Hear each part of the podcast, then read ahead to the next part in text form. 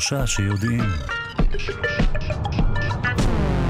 שלום לכם, קרינה נגד נגיף קורונה. הכירו נשק חדש במסגרת המלחמה בנגיפים, קרינה מילימטרית. מיד כל הפרטים. שוב שלום לכם. אנחנו שלושה שיודעים בכאן תרבות. אנחנו תוכנית המדע והידע של ישראל. אני דודו ארז ואנחנו עם כל המחקרים, כל הפיתוחים המדעיים והטכנולוגיים וכל מה שבאמת מעניין לדעת. אנחנו משודרים בכל יום בשבע בבוקר ובשידור חוזר בשמונה בערב במשך שעתיים, ובתוכנית היום בין היתר נעסוק בעניינים האלה, קרינה מילימטרית. היא מתברר מנטרלת נגיפים ביעילות גבוהה, כך עולה ממחקר חדש שנערך באוניברסיטת אריאל. מיד, וגם, בניסוי בינלאומי בו השתתפו חוקרים מאוניברסיטת תל אביב, הוכיחו עורכי הניסוי שאין עוד חלקיק מסוג נויטרינו מלבד השלושה שהתגלו. מיד נבין מה זה אומר. וגם חוקרים בטכניון פיתחו פלסטר חכם שסוגר בעצמו את החתך הניתוחי, מנטר את מצבו של הפצע ומאיץ את תהליך הריפוי. מדהים. וגם, לראשונה בעולם חוקרים הציצו אל אחד השלבים המוקדמים ביותר בהיווצרות עובר אנושי. במחקר חדש מהאוניברסיטה העברית נבחנו השינויים ההיסטוריים בתפקידו של האגודל, כן כן, וגם חברת Astroscale מציגה שירותי גרירה ללוויינים. העורך שלנו הוא רז חסון, המפיקה אלכסנדרה לויקר, על הביצוע די.ג'י אלון מקלר, תודה רבה ליגאל שפירא שמלווה אותנו. אתם ואתן מוזמנים ומוזמנות להצטרף לקהילה הרשמית של שלושה שיודעים בפייסבוק. כאן שלושה שיודעים. נזכיר שאפשר להאזין לשלושה שיודעים גם כהסכת בכל זמן ובכל מקום באמצעות היישומון של כאן, גם באמצעות ספוטיפיי, אפל וגוגל. בואו נתחיל.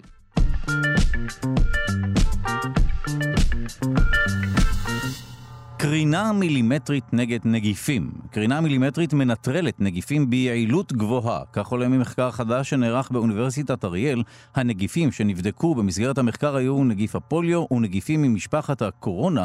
חשיפה של הנגיפים לקרינה המילימטרית הזו למשך שתי שניות בלבד, כך עולה מהמחקר, מנטרלת את הנגיפים במעל 99%. המחקר עצמו התפרסם בכתב העת Environmental Chemistry Letters. אנחנו שמחים לומר שלום לעורך המחקר פרופסור משה עינת. מהמחלקה להנדסת חשמל ואלקטרוניקה, אוניברסיטת אריאל, שלום. בוקר טוב, דודו. אנחנו לא מזמן דיברנו, זה היה אה, במסגרת אה, כנס שהיה פורום הגרעיני, ואז הזכרנו משהו על הקרינת גלים מילימטריים. והיום אפשר לראות את אחד השימושים האפשריים שלה. אוקיי, okay, אז, אה, אז בואו, למען המאזינות והמאזינים שלנו, ראשית, אה, תזכר לנו מהי קרינה מילימטרית? אה, ממתי מודדים קרינה בכלל, ב... כמו, כמו שמודדים אה, בדיוק, כמו כן. בסרגל?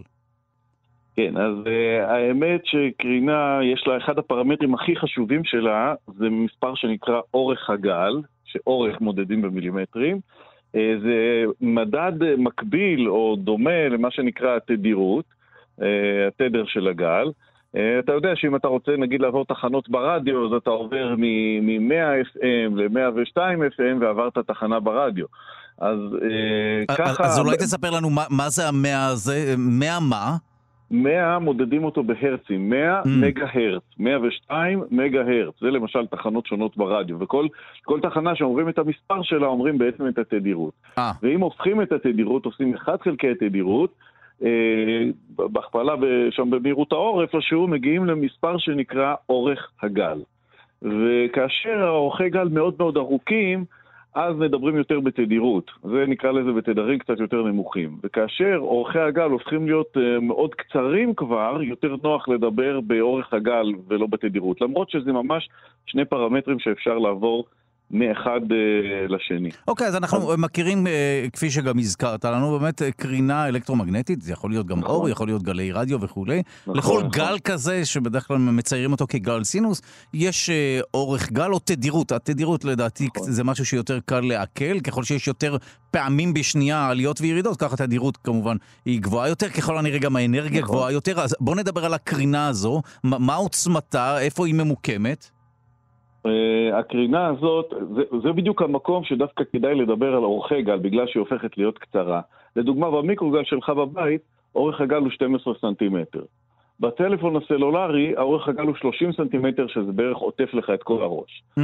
Uh, אבל פה אנחנו יורדים לאורכי גל של 3 מילימטר, שזה אורך גל הרבה יותר קצר, ומטבע הדברים שהם פשוט ככה, הרבה יותר קשה לייצר קרינה באורך גל של שלושה מילימטר כשהיא עדיין בעוצמה חזקה.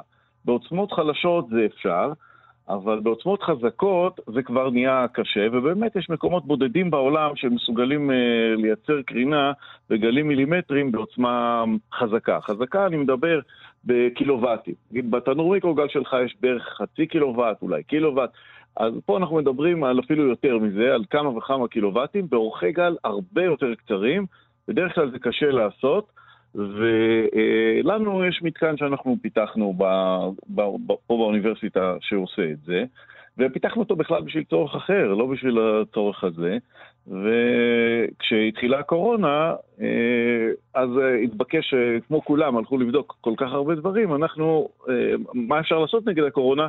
אז גם אנחנו רצינו לבדוק אם המכשיר שלנו יכול להיות נגד, יעיל נגד הקורונה, והתברר שכן. הקרינה הזאת של ה...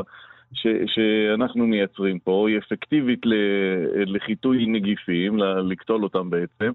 ואנחנו בדקנו גם קורונה וגם אה, פוליו, ובשני המקרים, בתוך אה, שתי שניות, אה, יש קטילה של מעל 99.9 אחוז. של הווירוס. זאת אומרת שמה, ש, שאפשר להשתמש בקרינה הזו כאחד הרכיבים, למשל, במסנן מים, או, בכל מה ש... כשאנחנו רוצים לטהר מים מנגיפים, האם אנחנו יכולים להקרין על, לא יודע מה, שטחים אה, אה, או אה, מרחבים בבתי חולים? איך אפשר אה, לרתום באמת את הקרינה הזו, אז באמת, לחיסול הנגיפים, בהנחה שזה באמת יעיל? כן, מה שאמרת זה בהחלט דבר אפשרי, אפילו השופטים של העיתון הציעו את העניין של המים שאמרת עכשיו, הם בעצמם אמרו שטיהור מים אה, כי זה לא רק, לא, לא חייב להיות רק לקורונה ווירוס, זה יכול להיות בכלל נגד, אה, ופוליו, זה יכול להיות לכלל הווירוסים. הפנומן פה הוא, הוא משמעותי והוא כנראה רחב יותר, אה, למרות שבדקנו רק את שני אלה. אז כן, אפשר לעשות טיהור מים באמצעות השיטה הזאת, כנראה בצורה אפקטיבית. אפשר uh, לעשות טיהור של אוויר, של מסננים של, של אוויר, למשל uh, כיתות, אולמות, uh, אולמות קולנוע, תיאטרון, בתי כנסת, בתי חולים, כיתות של תלמידים בבתי ספר, כל המרחב הציבורי, קניונים.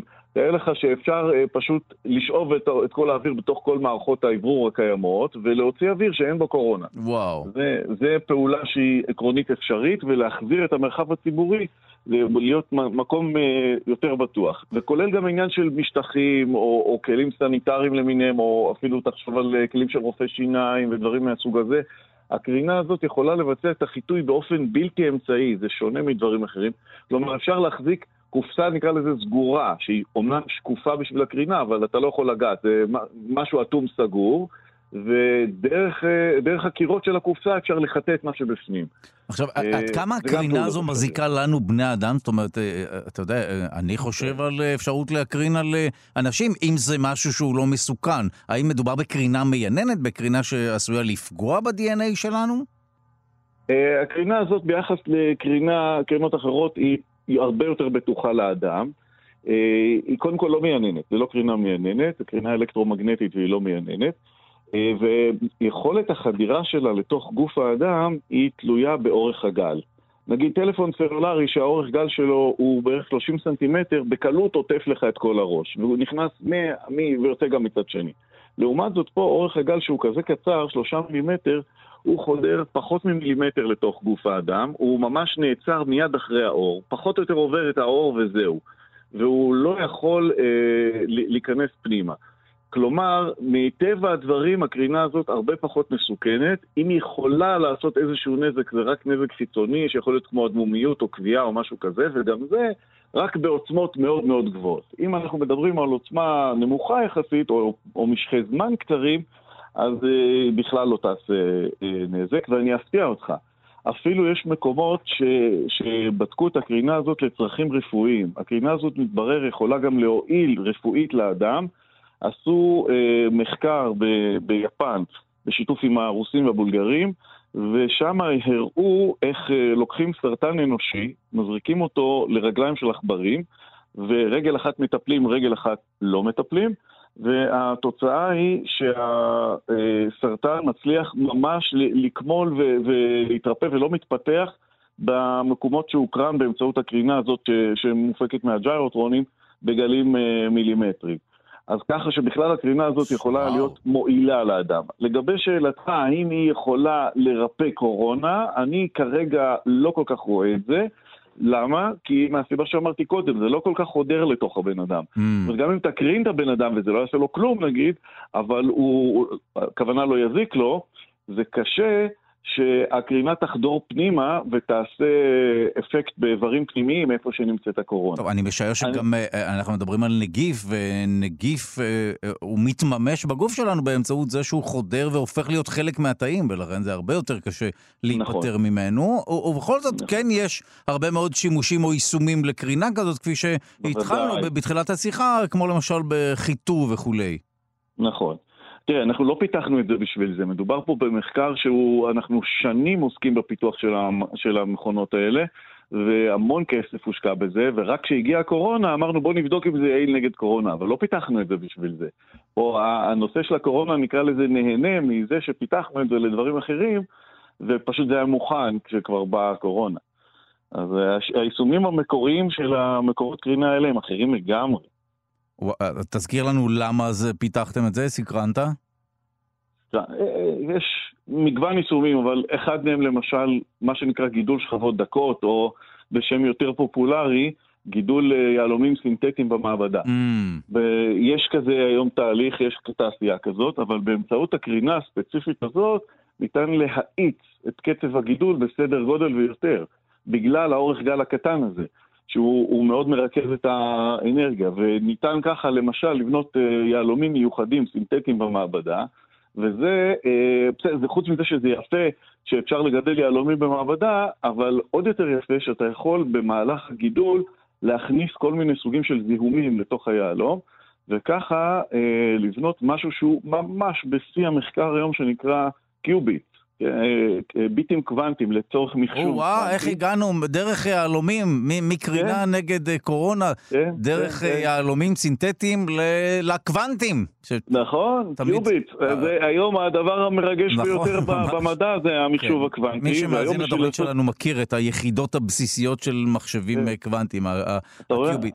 שמע... אתה לא מדבר איתי מספיק, אתה רואה? זה לא, אתה צריך לחזור אליי בקצב יותר... אני מקבל את הנזיפה הזו, מבטיח לתקן אותה, תודה לא, רבה לך. פרופסור... החמאתי לך מאוד בפעם הקודמת. אה, טוב, אז אני, אנחנו ניקח את המחמאות האלה ונשדר אותם גם כן. הפעם. אה, תודה לך, פרופסור משה עינת מהמחלקה להנדסת חשמל ואלקטרוניקה, אוניברסיטת אריאל. תודה. חג שמח לכולם.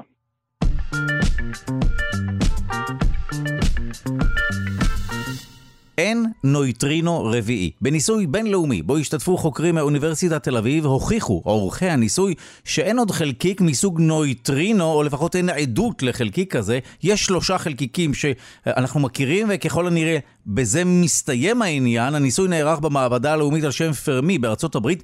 צוות המומחים מישראל כלל שתי קבוצות מחקר של דוקטור עדי אשכנזי שכבר נמצאת איתנו על הקו, ושל פרופסור אלי פיסצקי מבית הספר לפיזיקה ואסטרונומיה באוניברסיטת תל אביב. אנחנו שמחים לומר שלום לדוקטור עדי אשכנזי מהמחלקה לפיזיקה של חלקיקים באוניברסיטת תל אביב. שלום. שלום, שלום. יש פה הרבה מאוד הסברים שיעזרו לנו להשלים את הפאזל, או את התצרף. מהו בכלל נויטרינו, שאני מבין שיש שלושה סוגים של חלקיקים כאלה, אבל אין חלקיק רביעי. מה זה בכלל נויטרינו? כן, אז נתחיל מההתחלה. הנויטרינו הוא אחד מהחלקיקים האלמנטריים. חלקיקים אלמנטריים הם החלקיקים הכי, הכי קטנים שאנחנו מכירים, כאלה שאנחנו לא יודעים שמתפרקים לעוד חלקיקים יותר קטנים. אה, יש די הרבה כאלה ביקום שלנו, מעט מהם ממש מרכיבים את, ה, את החומר, אנחנו עשויים מהם וגם כל מה שנמצא מסביבנו. יש גם כאלה שמסתובבים בינינו כל הזמן, עוברים דרכנו. ניטרינו זו דוגמה נהדרת לאחד כזה, שהוא פשוט נמצא. זאת אומרת שמה, שהם לא מרכיבים חומרים, הם לא נמצאים אה, בתוך... תתי, התתי החלקיקים של האטומים, אלא זה, זה משהו שנע באוויר, בחוץ? נכון, וגם נע במקומות שאין בהם אוויר.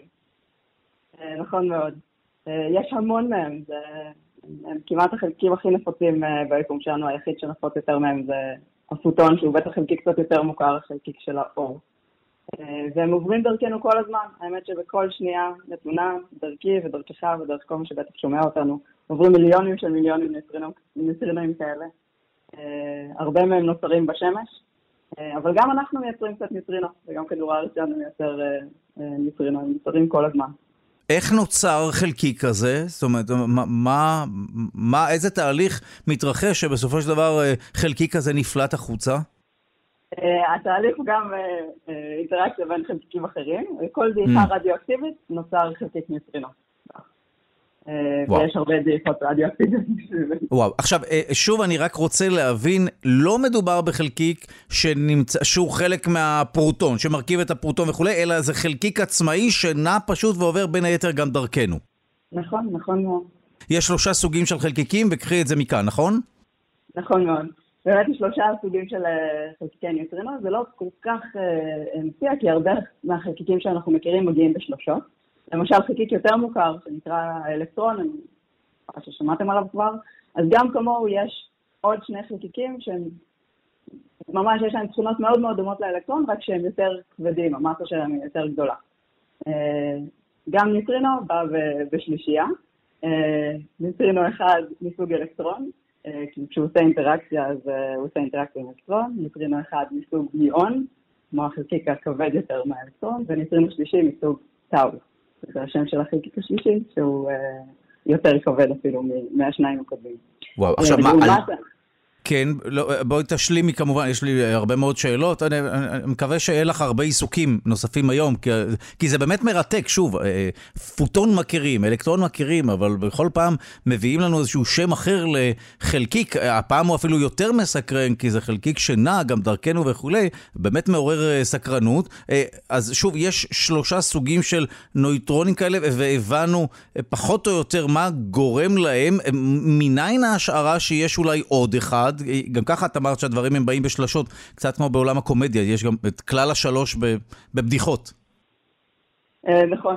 אז ממש כמו שאמרת, עולם חזקים הוא עולם אה, יחסית יש לנו הרבה חזקים אה, שנמצאים מסביבנו, והם כולם מתוארים במודל יפה, שנקרא המודל הסטנדרטי של פיזיקת החלקיקים, שהרבה אנשים עבדו עליו אה, להגות אותו ולנסות אה, להראות את הקיום שלו ולמדוד את החזקים שנמצאים בתוכו כבר המון המון שנים.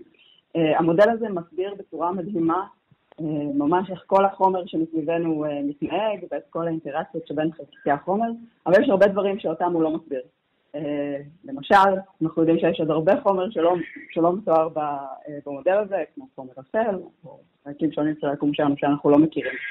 כל המודל הזה הוא כל כך מושלם, אה, והרבה דברים בו עובדים בדיוק כמו, ב, אה, כמו בספר, אבל האמת שחלקיקי הניטרינו לא ממש מתיישבים עם המודל. המדידות שלהם לא ממש מתיישבות עם המודל, וכל פעם שמשהו לא מתיישב עם מודל, זה סימן שאולי יש משהו מעבר למה שאנחנו מכירים, אולי יש שם רמז למה שאנחנו קוראים פיזיקה חדשה, אולי יש חלקים חדשים שאנחנו לא מכירים, אה, וכמו שאמרת, השערה הנפוצה היא שיש ניטרינו נוסף.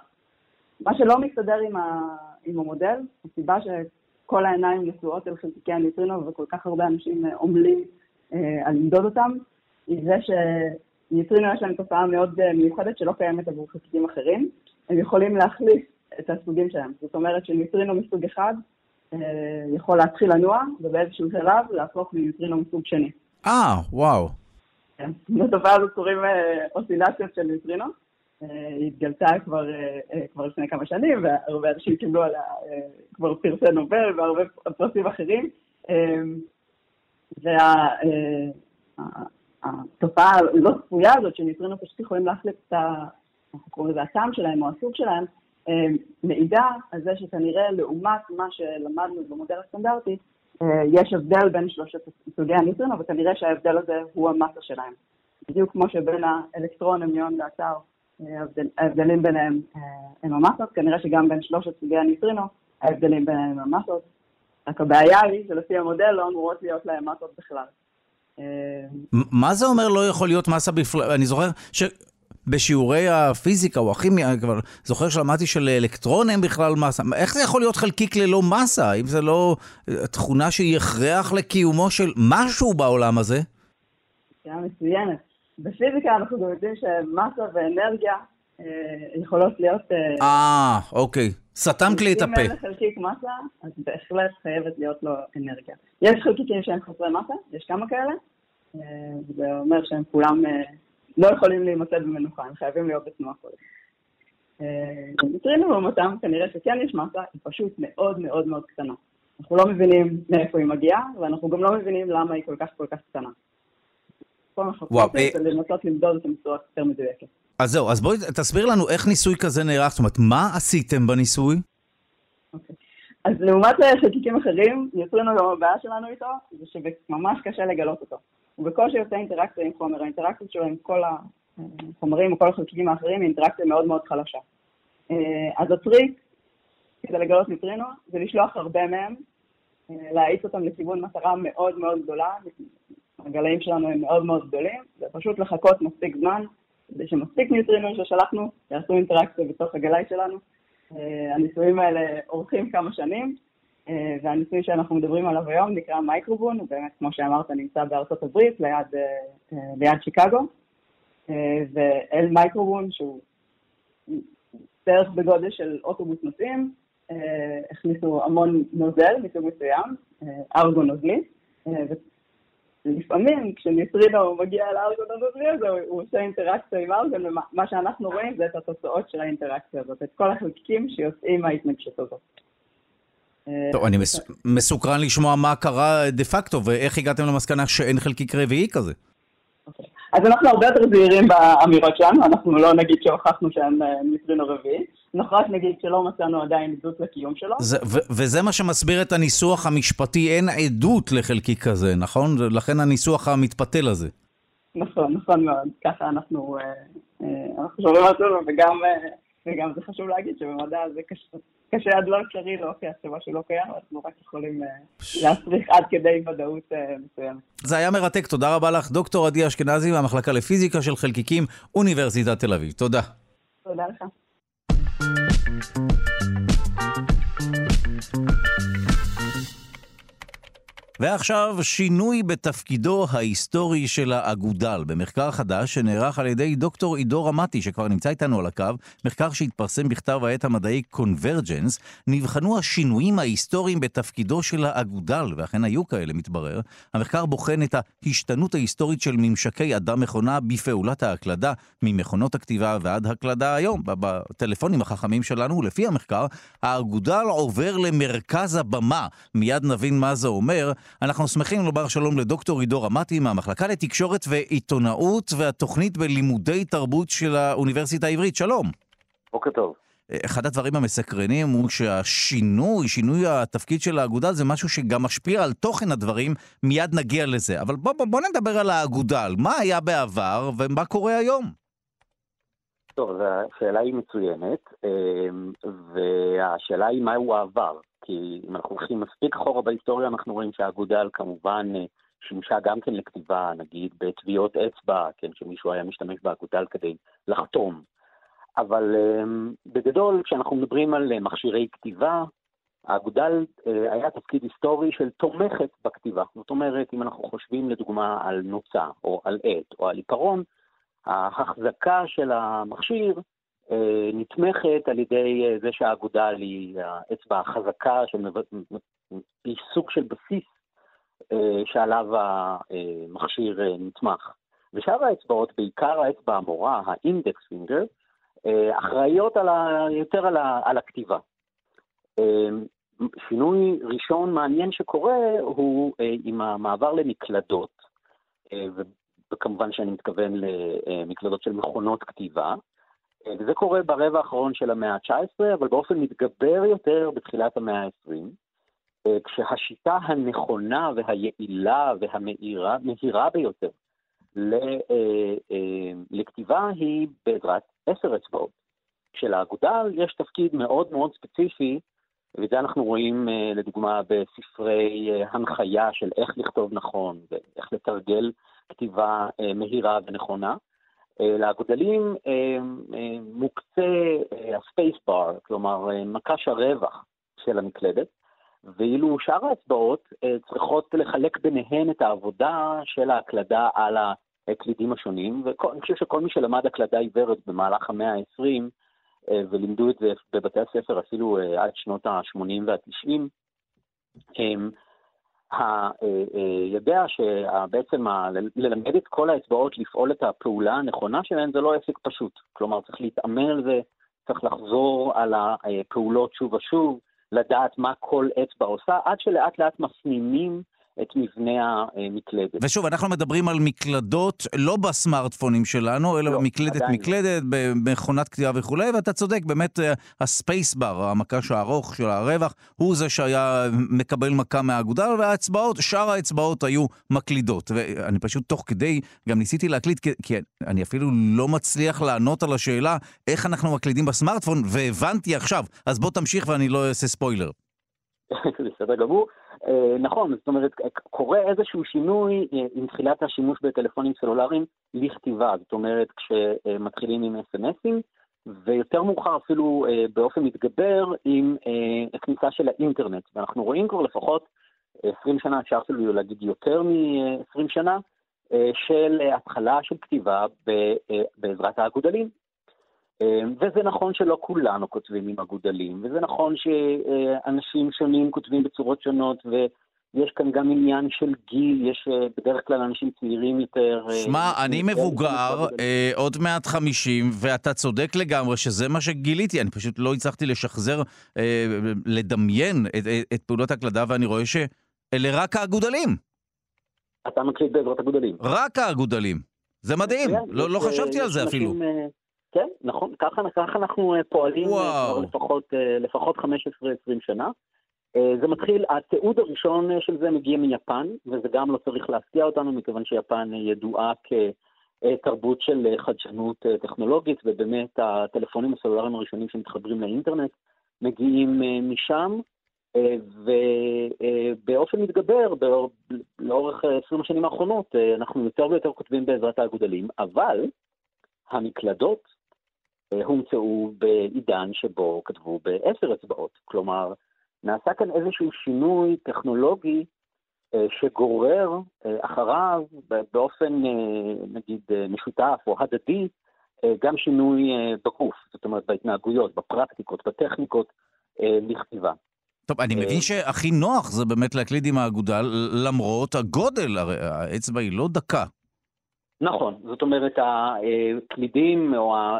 במיוחד כשאנחנו מדברים על מקלדות וירטואליות, אה, שאנחנו לא ממש מרגישים את המקש, אה, הוא לא מותאמים אה, לאגודלים. עם זאת, כמובן שהיום אנחנו יודעים שבמקלדות וירטואליות אנחנו יכולים להתאים את המקלדת, לדוגמה, לפצל את המקשים לכיוונים שונים כך שזה יתאים לאגודלים, או יתאים יותר. או אה, בכלל אולי אה, להקליד בצורה של swipe, כן, של משיכת האצבע על המקלדת. אז אפשר להגיד שאנחנו נמצאים היום בעידן אה, שבו אה, הרבה, הרבה יותר, אה, יש מגוון הרבה יותר גדול של אופציות, של אפשרויות להקלדה, אה, וה... ואפשר להגיד שכן, סוג של הכל הולך. יש אנשים שמקלידים עדיין עם אה, האצבע המורה. יש כאלה שאולי משתמשו אפילו בשלוש אצבעות, גם את זה ראיתי. אז אה, כן, כשבחנתי אה, את האופנים שבהם אנשים מקלידים, אז אה, ככה שאנחנו נמצאים באיזשהו עידן של מגוון, ולדעתי זה גם קשור באופן שבו הטקסטואליות שבה אנחנו מתכתבים והאופי של ההתכתבות שלנו מתבצע. אז שמע, אני רוצה להתחבר לנקודה הזו כן. ולשאול, האם ההקלדה, שוב, אני אתייחס לעצמי ואני מקליד עם האגודל, אני משער שעוד אה, אה, אחרים עושים את זה, בעיקר עם האגודל, ושאר האצבעות פשוט תומכות בטלפון. האם זה משפיע באמת על התוכן של הדברים? האם אני למשל משתמש באימוג'יז אה, יותר ב... אה, כי זה פשוט לא נוח ככל הנראה להקליד, ולכן אנחנו נוהגים לקצר ופשוט לשלוח, יאללה, לב, סמיילי וכולי. נכון, אמ, אז, אז קודם כל, אה, קודם כל בהחלט כן, כלומר ברגע שיש לנו אופציה במקש אחד להביע משהו, אה, אנחנו נעדיף את זה. אה, צריך לזכור שמקלדות וירטואליות גם הרבה פעמים מציעות לנו את המילה הבאה, או מתקנות לנו את המילה אוטו-קורקט ו-predictive text. זאת אומרת שאנחנו אולי אפילו משתמשים באופציות האלה לפעמים, כן? אז אנחנו מתחילים להקליד את המילה, אבל כבר בוחרים ממה שהמקלדת מציעה לנו. אמ, ו, וכאן אנחנו רואים באמת, אמ, אפשר להגיד, אה, סוג חדש של, אה, של התכתבות או של טקסטואליות, שנובעת מהשיתוף פעולה שלנו עם המכשיר שלנו. אמ, וזה לא, האמת שזה לא רק אתה או לא רק אני באופן אינדיבידואלי, מכיוון שהמקלדות הווירטואליות הן הרי תוכנות ותוכנות אלגוריתמיות, שיודעות גם לצפות מה תהיה המילה הבאה או לתקן את המילה שלנו, אבל גם משתפות את המידע בינן לבין עצמן. כלומר שיכול להיות שאני הקלדתי אה, מילה, אבל היא תופיע אצלך במקלדת באופן עקרוני, כן? לא באופן ספציפי אתה ואני, אבל אה, היא תופיע אצלך על המקלדת בתור אופציה למילה הבאה. וואו, אה, יש אה, מין בינה מלאכותית ששואבת אה, נתונים ולומדת את אה, הרגלי הכתיבה מכולם? בהחלט. וואו. שמע... אז אנחנו מדברים על...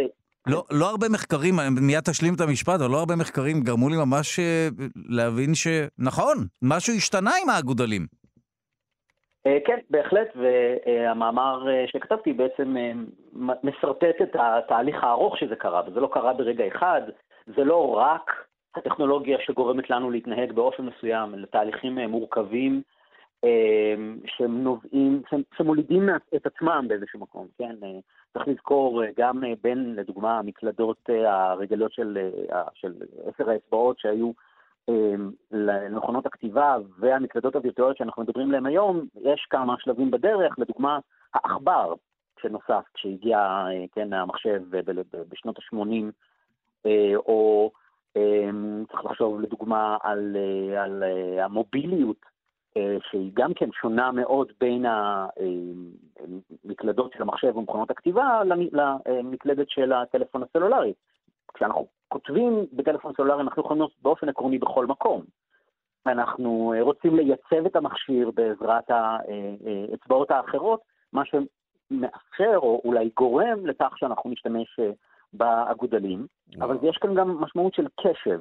אם אני נמצא בתחבורה הציבורית וקורים מסביבי דברים תוך כדי שאני מתכתב עם מישהו, אז המשמעות היא שאני רוצה לכתוב קצר יותר, אולי פחות שם לב לטעויות כתיב, אולי מעדיף לבחור אימוג'יז או גיפים או אה, סטיקרים, מדבקות, כי זה מביע את מה שאני רוצה לומר באופן מהיר יותר. זאת אומרת שזו אה, סביבה חדשה, אם אפשר לקרוא לזה ככה, סביבה חדשה של הקלדה שבה הגודלים אה, הופכים להיות האצבע העיקרית בכתיבה. וואו, טוב. שמע, מרתק, אה, נשמע אזוטרי, אבל ממש לא. תודה רבה לך, דוקטור עידו רמתי מהמחלקה לתקשורת ועיתונאות, התוכנית בלימודי תרבות של האוניברסיטה העברית. תודה. יום טוב.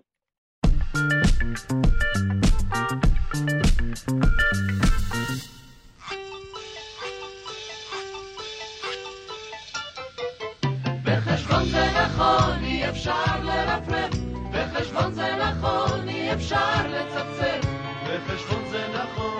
אפשר לזייף, אך מי אמר שבחשבון אי אפשר לקיים? ובמסגרת פינת המתמטיקה נעסוק ביוונים, ברוח ימי החג ובתרומתם למתמטיקה. יוונים או יותר נכון מתייוונים. שלום למיכאל גורודין ממכון דוידסון, הזרוע החינוכית של מכון ויצמן למדע, שלום. שלום, שלום. אוקיי, אז הם היו ה-bad guys, אבל תרמו תרומה לתחום המתמטיקה. או, אז השאלה היא מי זה הם, כי אנחנו הולכים להשתתף לגמרי ברוח החג ולרדת עליהם ולהיכנס בהם. כי מסתבר שאלה שהיו פה, שהיה לנו סכסוך איתם, אה, התרומה שלהם הייתה מאוד מאוד שולית. אה. כי המכבים, הם, הם הרי לא נלחמו באיזשהו צבא שהגיע ממה שאנחנו קוראים לו היום יוון. הם לא באו, זה לא אנשים שבאו מאתונה או מספרטה או ממקומות כאלה. מי שנלחם מול היוונים היו האימפריה הסלאוקית, שזה אחד הצאצאים התרבותיים של עוד המסעות של אלכסנדר מוקדון. ומבין כל, היו כמה כאלה, היו כמה ממלכות כאלה, אה, שהתרבות שלהן הייתה יוונית. אז האימפריה הסלאוקית הייתה כזאת, ובמצרים הייתה ממלכה כזאת, ובאזור טורקיה הייתה ממלכה כזאת.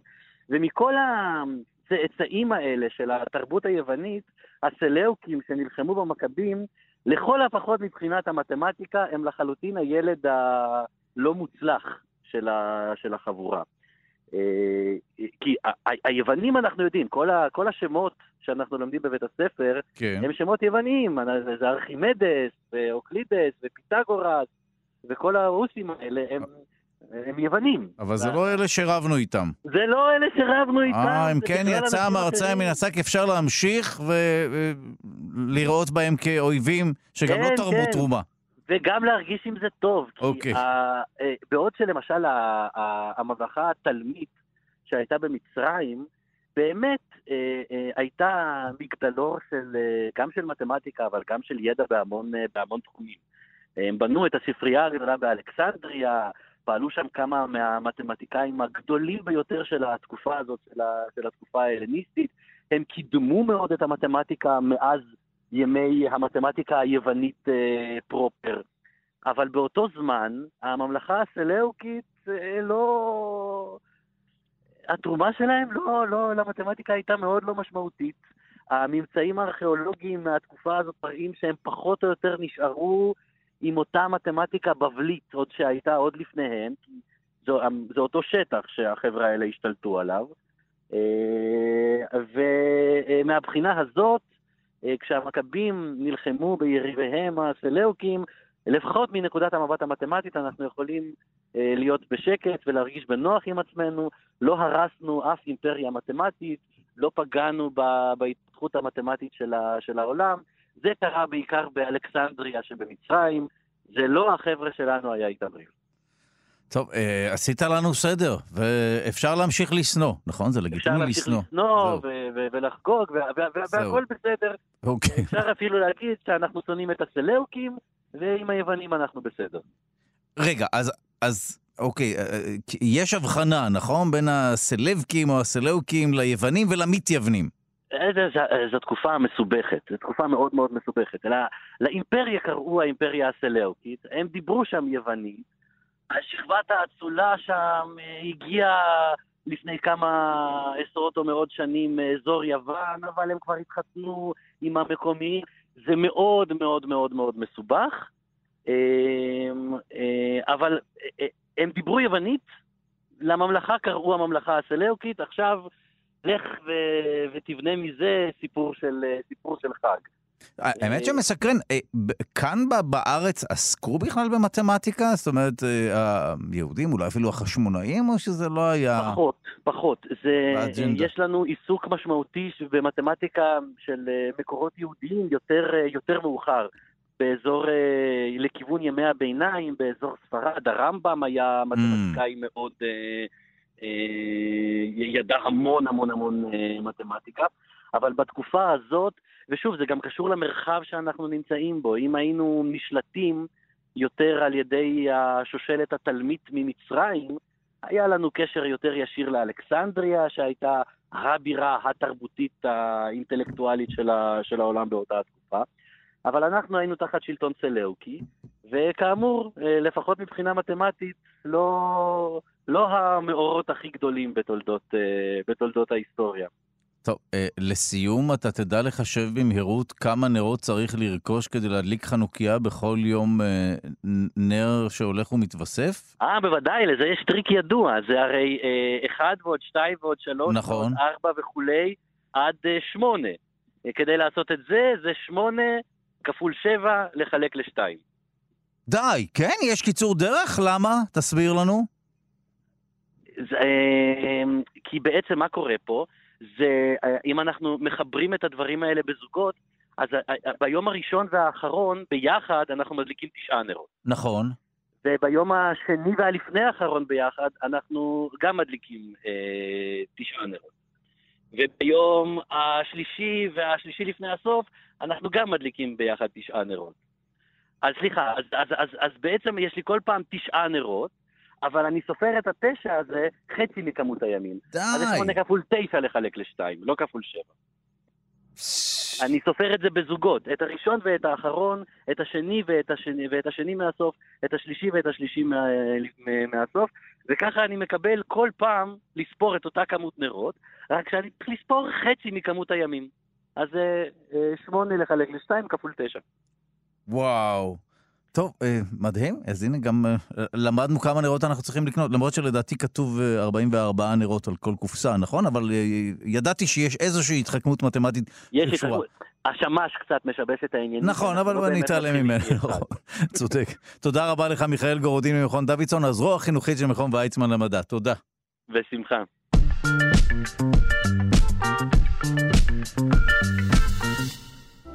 ובמסגרת פינת השירה נעסוק בקסם של ASMR. מיד נבין מה משמעות ראשי התיבות הללו. שלום לרונה ישראל קולט, ווקולוגית ומורה לפיתוח קול במכללת לוינסקי לחינוך מוזיקלי. שלום.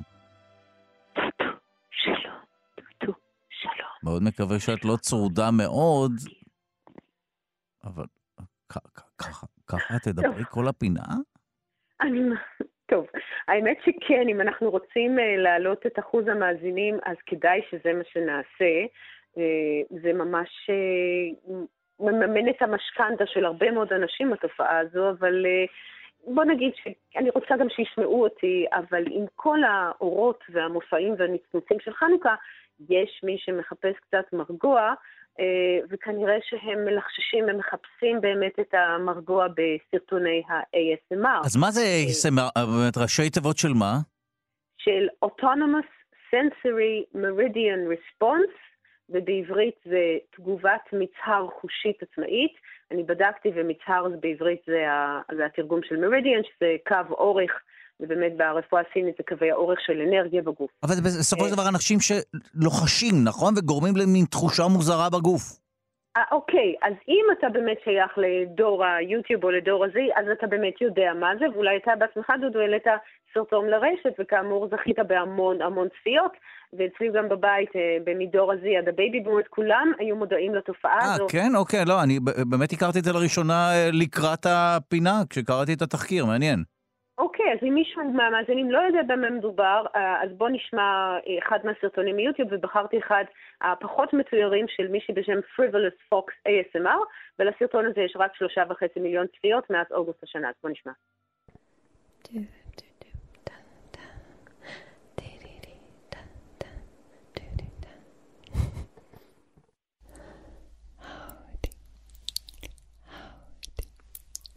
אז רק כדי להרגיע באמת המאזינים, זה בסדר, הווליום בסדר, כך זה נשמע. השאלה, דודו, אם אה, זה עושה לך משהו כשאתה מקשיב כן, זה, אה, אה, אני מוכרח לומר שהתחושה היא לא נעימה, זה קצת מטריד. אוקיי, גם אותי זה מאוד מטריד, אבל אנחנו כנראה במיעוט, כי זו אחת התופעות הכי חמות ברשת, נושא מאוד חם, ויש כיום יותר מ-15 מיליון סרטונים. כי מה, למה אנשים אוהבים, למדי אותנו, תכניסי אותנו לראש של אנשים שזה עושה להם כנעים, מה?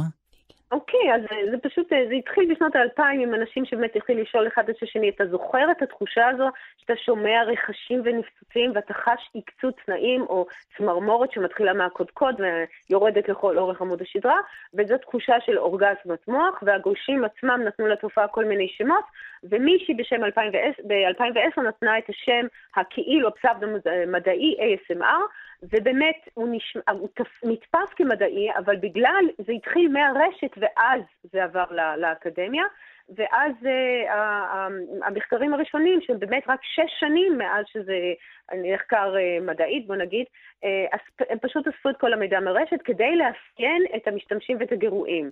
הסרטון אופייני, הוא ישמיע ויראה בחורה, בדרך כלל דוברת אנגלית, מאוד נשית, עם שיער גולש וציפורניים ארוכות, והיא יושבת קרוב למסך, כמו במין שיחה אינטימית, והיא מלחששת בווליום שבקושי נשמע, ומדי פעם היא נוגעת בך, כלומר במצלמה, במין טיפוף עדין כזה, והיא מעבירה מברשת איפור על המיקרופון, שהוא תמיד מוערך ומזדקר, ויש גם סרטונים של רכשושים שהם לא אוראליים, כמו דפדוף בניירות עורף, או כל פעולה שיכולה להיות מונוטונית ועדיין להשמיע מין רכשוש עדין, והדגש הוא על הדין.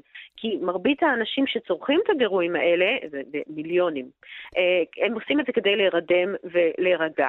אה, כן, זה מרגיע אותם? אני באמת אחפש, תוך כדי השיחה, אני אחפש ביוטיוב, זה באמת אה, ז'אנר של סוגה. שצריך להכיר, וואו, אוקיי, אני מיד אה, אחפש את כמות הסרטונים שיש, סתם כדי להתרשם מזה, וואו. כן, המון.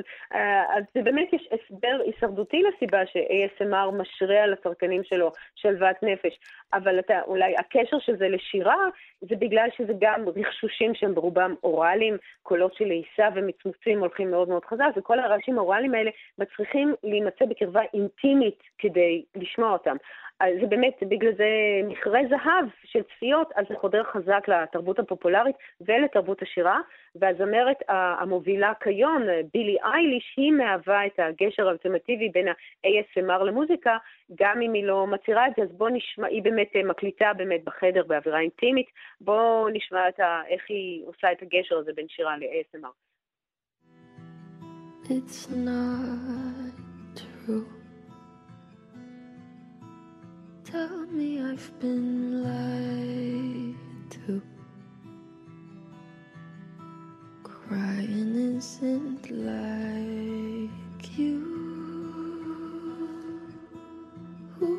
מלבד מה שזה גורם לך כמעט פיזי, זה משהו שמה שמשדר אינטימיות, שקט, זאת אומרת, למה זה... זה בדיוק מה שזה עושה, אני כן. האמת שזו הגרסת המקור שלה, אבל יש גרס, גרסה שהיא תרגום ל-ASMRית שעשה מעריץ שלה, אה, בוא נשמע את זה בתרגום ל-ASMRית, את השיר הזה. It's not true. Tell me I've been lied to.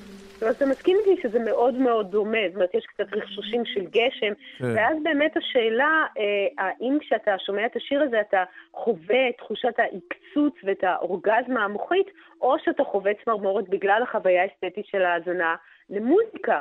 ובאמת, אה, אה, זה מעניין לראות, אני מקווה שאתה חווית תגובות פיזיות כששמעת יצירה מוזיקלית שריגשה אותך. אה, ואז באמת זה מקום להשוות בין שתי, אה, האם התחושה הזאת הוא תחושה נפרדת, או שיש קרבה בין שני הצמרמורות האלה. ובאמת אה, יש מוזיקולוג ידוע שבמחקר מ-2019 ניסה לחבר בין שתי התופעות כדי לראות האם כשאתה שומע מוזיקה שמרגשת אותך, אתה, התגובות שלך מעוררות דפיקות לב, צמרמורות, אפילו דמעות לפעמים, ודווקא ASMR אמור להרגיע אותך, כלומר התגובה כן, לא הרגשית, הרצויה. דווקא זה, זה די מטריד ומעצבן כזה. אז זהו, כנראה שאנחנו שייכים לספקטרום אחר, אנחנו כנראה לא בדיוק בדור הזה, אותם זה מאוד מאוד מרגיע. אה, ושאלה באמת, למה? כי uh, לפחות uh, כשדייוויד הורון מבקש לדעת אם זה קרוב לצמרמורת של מוזיקה, אז uh, הוא באמת טוען שהם קרובות משפחה. ההקצוצים של ה-ASMR והצמרמורת מחוויה אסתטית מוזיקלית הם קרובות משפחה, כי בחוויה מוזיקלית הצמרמורת היא, בהתגב... שתיהן מקורן בהתגברות על סוג של פחד, ובחוויה מוזיקלית זה התגברות uh, מקולות רמים או מפתיעים, וב-ASMR בפחד מחדירה למרחב האינטימי שלך, האישי. ושניהם מצבים שיכולים להתפרש כמאיימים, אבל אם מנטרלים את אלמנט הסכנה, אז הם הופכים להיות מענגים. זאת אומרת, אתה מתגבר על אלמנט הסכנה, ואז אתה חווה את העונג הזה, סוג של אורגזם, סוג של צמרמורת. והשאלה אם זה באמת למידה חברתית אסוציאטיבית, זאת אומרת, שמעת בילדות שלך mm. קולות מלחששים, או אימא שלך אה, לחששה כשהיא הברישה לך את השיער, או כשהיא הרדימה אותך, ולכן יש לך אסוציאציה דומה כל פעם שאתה שומע את זה, או שמדובר במנגנון קדום יותר, שהאבולוציה הטביעה בנו, עוד כשהיינו אה, פריטים קדמוניים, כשהדרך להרגיש חלק מקבוצה הייתה על ידי טיפוח, בלומינג, זאת אומרת, פליאת קינים.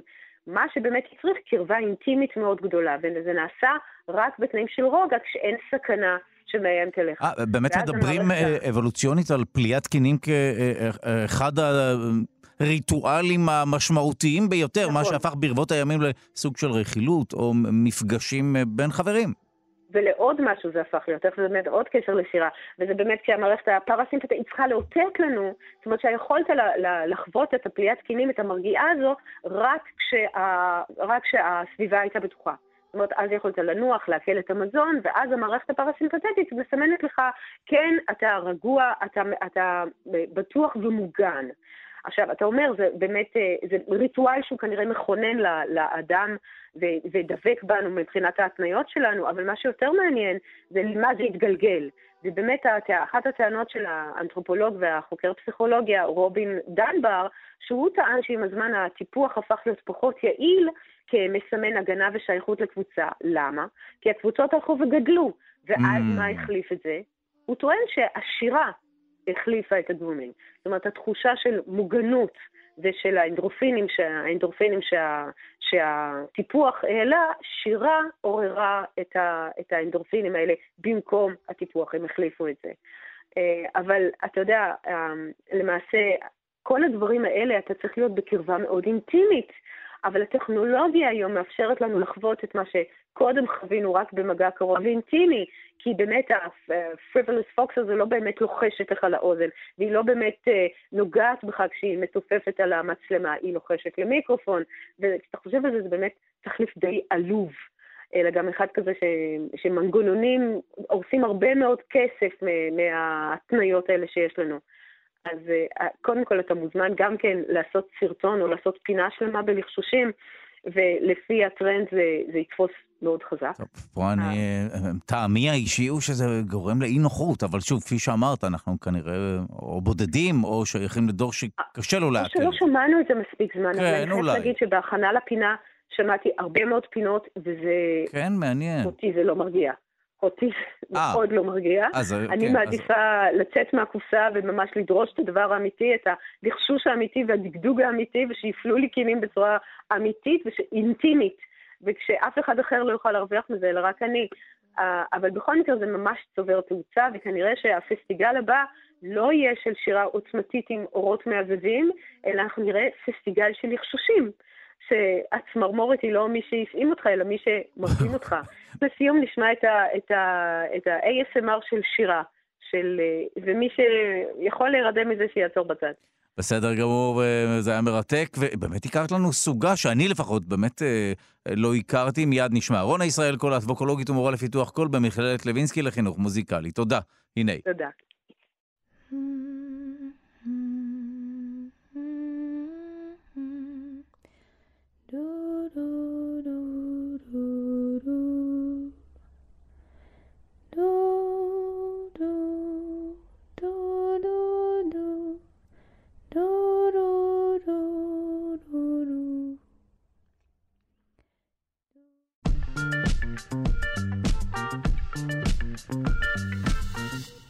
פלסטר במקום תפרים. חוקרים בטכניון פיתחו פלסטר חכם הסוגר בעצמו את החתך הניתוחי, מנטר את מצבו של הפצע ומאיץ את תהליך הריפוי.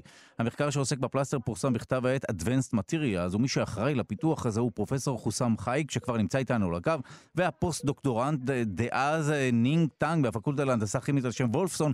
אנחנו שמחים לומר שלום לפרופסור חוסאם חאיק, ראש המעבדות להתקנים מבוססי ננו חומרים ודיקן לימודי הסמכה בטכניון. שלום. שלום, שלום. אה, נשמע too good to be true, איך הפלסטר הזה אה, מצליח לעשות את זה? גם לסגור את אה, החתך הניתוחי, גם לנטר את המצב, גם להאיץ את תהליך הריפוי, איך זה קורה? כן, זה היה ונראה מדע בדיוני לפני כמה שנים, עכשיו זה מציאות מוגמרת.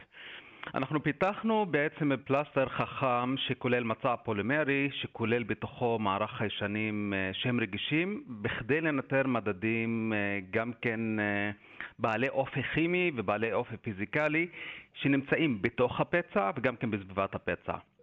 עכשיו. אז איך זה עובד באמת, אנחנו יודעים שאתה עוסק באמת בננו חומרים וכולי, זאת אומרת הפטנט עצמו טמון בהרכב של החומר? נכון מאוד, וזה טמון בהרכב של החומר, כאשר המצע, החבישה עצמה, מורכבת מפולימר אה, שיש לו יכולת איחוי עצמית, כפי שהאור שלנו עושה בזמן שהוא נחתך או אה, נקרע.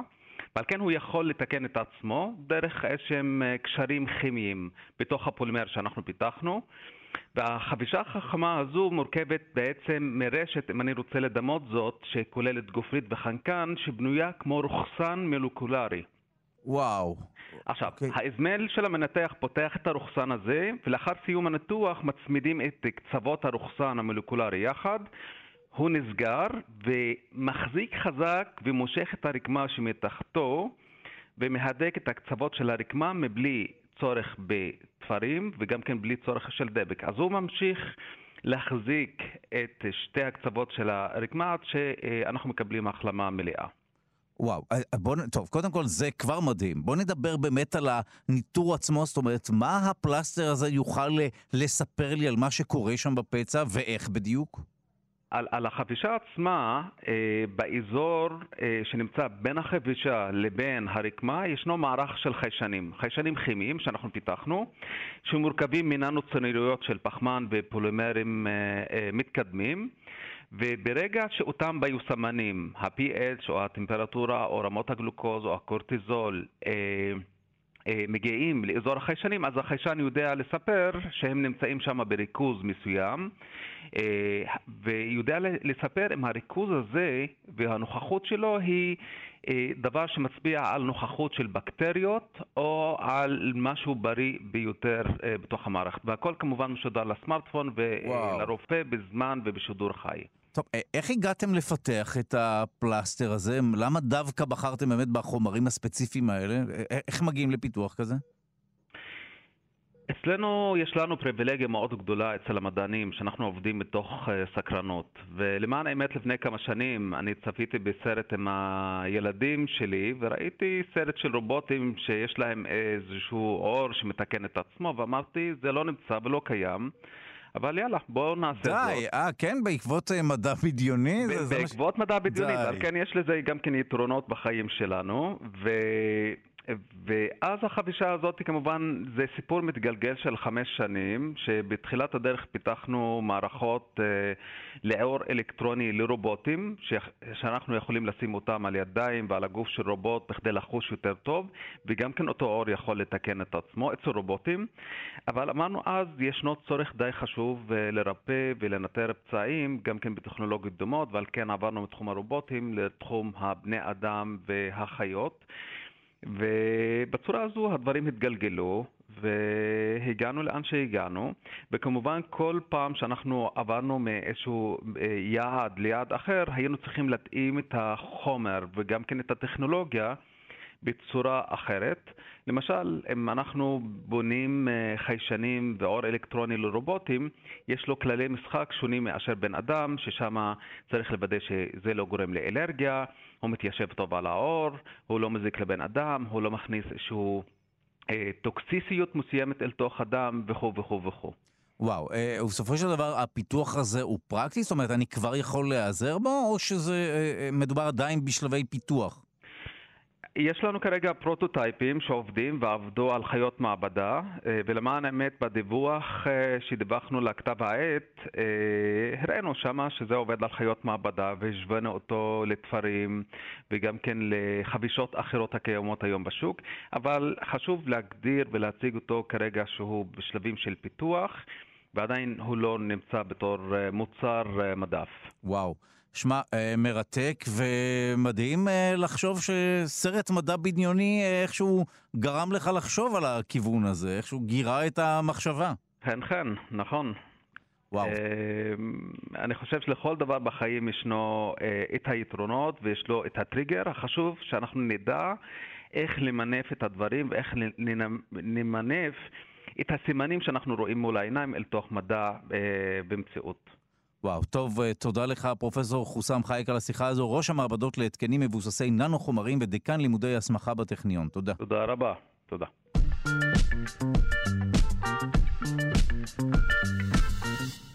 לראשונה בעולם, חוקרים הציצו אל אחד השלבים המוקדמים ביותר בהיווצרות עובר אנושי. מדובר במחקר חדש בו חוקרים מאוניברסיטת קיימברידג' צפו לראשונה במתרחש בשלב הגסטרולציה מיד נכיר את השלב הזה, השלב שבו העובר הופך משכבה חד-מימדית של תאי אפיטל למבנה רב-שכבתי ורב-מימדי, לפחות תלת-מימדי.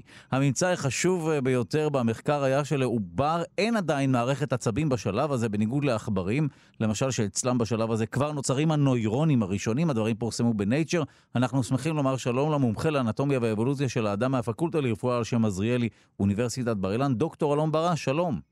שלום שלום, אה, אכן נמצא במחקר באמת מעניין על שלב מאוד מוקדם בהתפתחות העוברית שלנו, אבל שלב סופר סופר חשוב, אה, איך אומרים, חשוב לפחות כמו הבר מצווה והחתונה.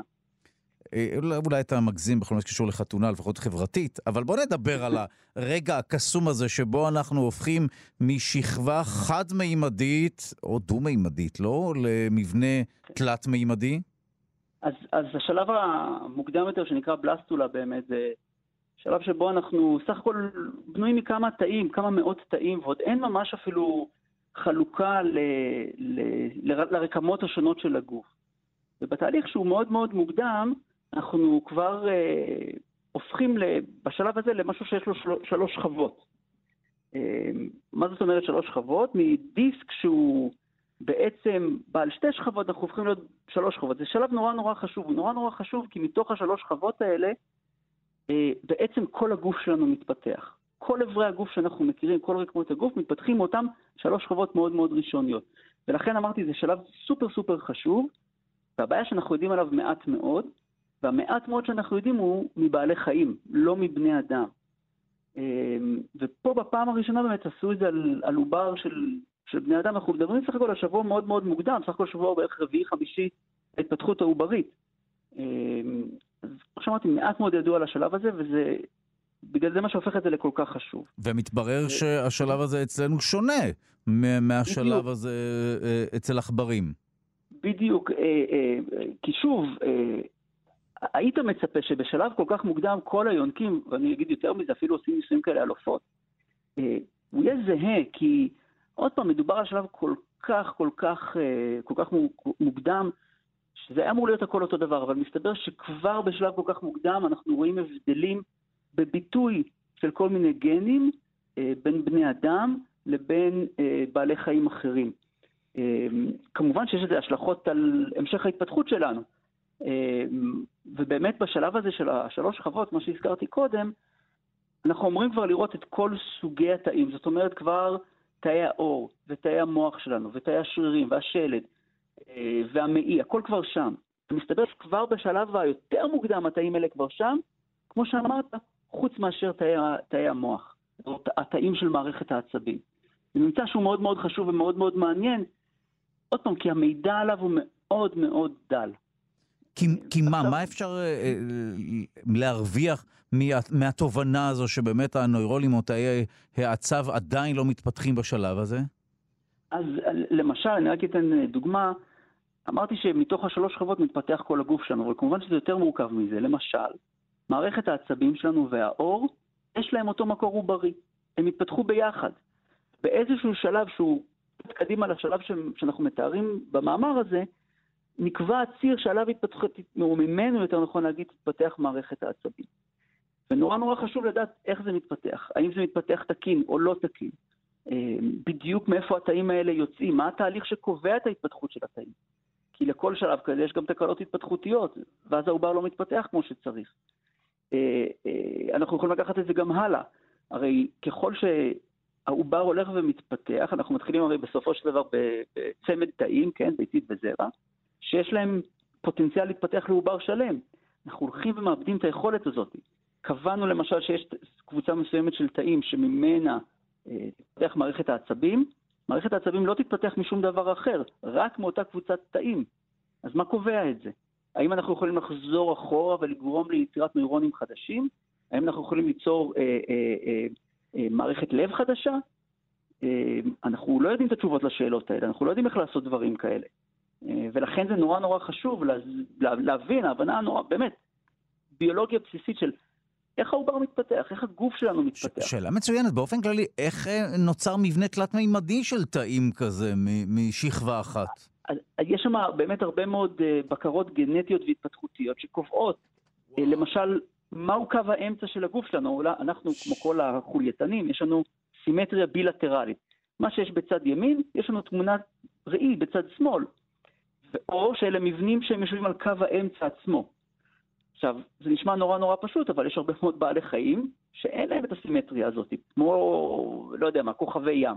יש להם סימטריה אחרת. מה קובע את הסימטריה הזאת? כי הרי כמו שאמרתי, מתוך הסימטריה הזאת נוצרים הרבה מאוד מבנים שהם סופר חשובים להתפתחות התקינה שלנו. וזה הולך ומסתבך, כי למשל, כל אברי הבטן שלנו, כל אברי בית החזה התחילו על, על אותו קו אמצע, ואז הם מתחילים לזוז ימינה ושמאלה. מה קובע את התזוזה שלהם? מה קובע שהלב יישב בסופו של דבר עם נטייה לצד שמאל, והכבד יישב בסופו של דבר עם נטייה לצד ימין? אמ, אה, חלק מהמנגנונים אנחנו מכירים, אבל הרבה מאוד מהם נקבעים בשלבים כבר כל כך מוקדמים, אה, שאנחנו מכירים את זה נפלא בעכברים, אבל כמו שהמאמר הזה מראה, כבר בשלבים המאוד מאוד ראשונים אנחנו לא בדיוק אותו דבר. אנחנו בכל זאת, הביטוי של הגנים, החזרות של ביטויים של גנים מסוימים הם שונים בין עכברים ובני אדם. וואו. זה סופר חשוב. טוב, מאוד מעניין להתבונן אה, בשלב הכמעט ניסי הזה, שבו אנחנו לחלוטין, נוצרים. כן. אני, אני, אני, אני רק אעיר באמת ש, שכמובן יש שני, שני גורמים מקבילים למחקרים מהסוג הזה. א', בשלבים המאוד מאוד מוקדמים רוב הנשים לא, לא יודעות בכלל שהן בהיריון. חושדות אולי, אבל הן לא יודעות. וכמובן שעולה פה שאלה אתית, האם זה בסדר אה, להשתמש בעוברים כאלה. בחלק מהמדינות בעולם, אחרי 14 יום של הפריה, אסור יותר לעשות אה, ניסויים. ואסור יותר לעשות, אה, להשתמש בעוברים האלה. אה, כאן באנגליה השתמשו בעובר ספציפי של אישה שהחליטה שהיא מבצעת הפלה, ובאישורה כמובן, לקחו את העובר הזה אה, אחרי ההפלה. אה, עולות מזה הרבה מאוד שאלות אתיות, מתי צבר של תאים הופך להיות בעצם בן אדם. אין לנו תשובה טובה לשאלה, לי לפחות אין תשובה טובה לשאלה הזאת. אבל נראה פשוט אפשר לשרטט, זה כמעט שרירותי, לשרטט את קו הגבול. אפשר לגמרי, להיות לגמרי, תלויים לגמרי. ברמת נוירונים מסוימת או מספר וכולי, אבל זו תמיד תהיה קביעה שרירותית. לגמרי לגמרי. אני יכול להגיד שכשאנחנו 18 תאים, אנחנו, זה לא בן אדם. אני יכול להגיד שחודש לפני הלידה בוודאי שזה בן אדם.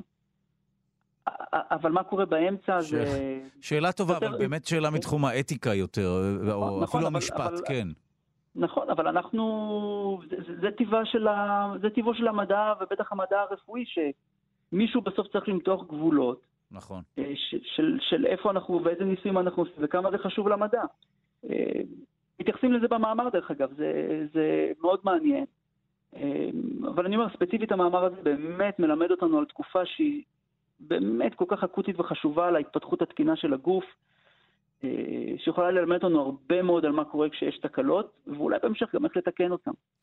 טוב, תודה לך על הדברים. מומחה לאנטומיה ואבולוציה של האדם מהפקולטה לרפואה על שם עזריאלי, אוניברסיטת בר אילן, דוקטור אלון ברש. תודה רבה. תודה רבה.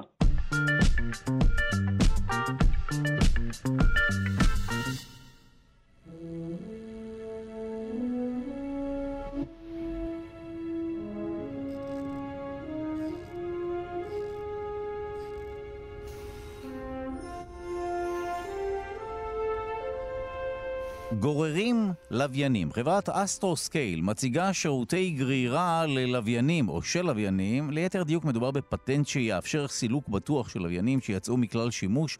מדובר בהתקן עגינה שמאפשר אה, ללכוד לוויינים ולהרחיק אותם. אנחנו שמחים לומר שלום ליזם, למהנדס החלל ולסמנכ"ל הטכנולוגיות ב Sky and Space Global, מידד פריאנטה, שלום. שלום דודו, מה שלומך? אז זהו, הגענו למצב שבו אנחנו לא רוצים לשגר עוד, זאת אומרת, משגרים עוד, אבל אנחנו רוצים גם להיפטר מה, מהלוויינים ש, ששוגרו בעבר. זה נכון. אמ, Astroscale אה, בעצם אה, נועדה לספק שירותי לוגיסטיקה, לא רק אה, גרירה, אלא גם הארכת חיים, גם שינויי מסלול וגם סילוק של אה, לוויינים ישנים, לוויינים מקולקלים ואפילו אה, פסולת אה, חללית. ממש סוג של שירותי דרך בחלל. עכשיו, אני מנסה להבין, מה קורה היום ללוויין שחדל או מפסיק לפעול? הוא פשוט נשאר במסלול ומרחף? שאלה מצוינת. התשובה היא כן. ברגע שלוויין מתקלקל, מסיים את חייו, הוא אה, אה, עלול אה, להישאר במסלול ולסכן אה, לוויינים אחרים, ולכן יש אה, כמה וכמה אה, שיטות אה, ואמנות בינלאומיות שפותחו לטובת הנושא. אה, לוויינים שנמצאים בגובה נמוך של כמה מאות קילומטרים מפני כדור הארץ, אה, מחויבים אה, לא להיות יותר מ-25 שנה מסיום המשימה שלהם במסלול. למעשה הם לאט לאט אה, יורדים במסלול, בגובה, בעקבות אה, הגרר ומשיכה של אה, כדור הארץ, ובסופו של דבר נשרפים באטמוספירה. אבל מעל גובה מסוים, התהליך הזה עלול לקחת מאות ואולי אפילו אלפי שנים, ולכן הוא לא מתאים לכל מסלול. לווייני תקשורת שנמצאים בגובה של כ-36 אלף קילומטרים מעל פני כדור הארץ, לא יכולים לרדת לגובה שבו הם יישרפו באטמוספירה, ולכן בעבורם פותח אזור מיוחד שנקרא בית הקברות ללווייני תקשורת, והוא למעשה במסלול גבוה יותר ממסלול לווייני התקשורת בכ-300 קילומטרים, וכל לווייני התקשורת מחויבים להשאיר מספיק דלק כדי לבצע את תמרון סוף החיים ולפנות את המסלול בצורה בטוחה, אבל יש כמובן תקלות וזה לא תמיד קורה, ולאחרונה, בעקבות אה, קונסטלציות התקשורת הענקיות של Starlink אה, ו Kuiper של אה, אמזון ו OneWeb ו Telesat Lightspeed, אז אנחנו רואים גידול אדיר של לוויינים שנמצאים במסלולים שהם בין לבין. הם לא ממש יכולים לרדת ולהישרף באטמוספירה, והם גם רחוקים מאוד ממסלול בית הקברות, ולכן בעבורם אה, נדרש מערך לוגיסטי. וחברת Astroscale, שהיא אה, חברה יפנית שנוסדה בשנת 2013, ולאחרונה אה, יש לה אפילו סניף ישראלי, Astroscale ישראל, ויש לה גם חברת בת בארצות הברית, הייתה הראשונה שנרתמה כגוף מסחרי להציע בעצם שירותי תחזוקה ולוגיסטיקה במסלול. תחזוקה ולוגיסטיקה אנחנו מבינים, אבל מה עושים באמת עם לוויין שיוצא מכלל פעולה? אוקיי, okay, אז מה שאסטרוסקל אה, פיתחו זה בעצם אה, איזשהו, איזשהו מנגנון, כמו שהזכרת, מין, מין וו גרירה כזה, אבל הוא לא וו גרירה פשוט, הוא אה, דווקא מנגנון די מתוחכם. מדובר בדיסקה שאפשר להרכיב על כל לוויין טרום שיגור, מכילה אה, מחזירי לייזר, אה, בנויה מפרומגנט, שזה מגנט ששומר על תכונותיו לאורך זמן, ומין QR code כזה שמודפס על החלק החיצוני. הלוויין של חברת אסטרוסקייל מצויד במערך של מצלמות ולידר, שזה אה, מקם לייזר, והוא יודע אה, להעריך את המהירות ואת ההכוון של לוויין המטרה שאליו הוא רוצה לעגון. העגינה היא מגנטית, שדרך אגב, את ההוכחה של יכולת עגינה מגנטית, חברת אסטרוסקייל הדגימה באוגוסט האחרון בהצלחה מרובה, ומה שנשאר עכשיו זה להראות שאפשר גם להתחבר ללוויין שיוצא מכלל שליטה. בניגוד לחילוץ של רכב שתקוע ופשוט מתחברים לבב גרירה, עגינה בחלל זה משימה מאוד מאוד מסובכת, מכמה סיבות. דבר ראשון, המהירות הגדולה. הלוויינים עצמם שאליהם צריכים לעגון, נעים במהירות של כ-27 אלף קילומטר לשנייה. כמובן שלוויין השירות צריך להתאים את עצמו למהירות של הלוויין שאליו רוצים אה, לעגון, וזה לא פשוט אה, בכלל, דיוק מאוד גבוה בידיעת המסלול ויכולת תמרון מרובה, אבל בנוסף, לוויין שיצא מכלל פעולה, מה שנקרא מטרה שלא משתפת פעולה, הוא לרוב גם מסתחרר. מסתחרר בצורה מאוד מאוד חופשית, כמו סביבון שאיבד שליטה, והדרך היחידה של לוויין השירות לעגון בצורה בטוחה, זה להתאים את עצמו לקצב הסחרור של לוויין המטרה כדי לבטל את המהירות היחסית. איך הוא עושה את זה?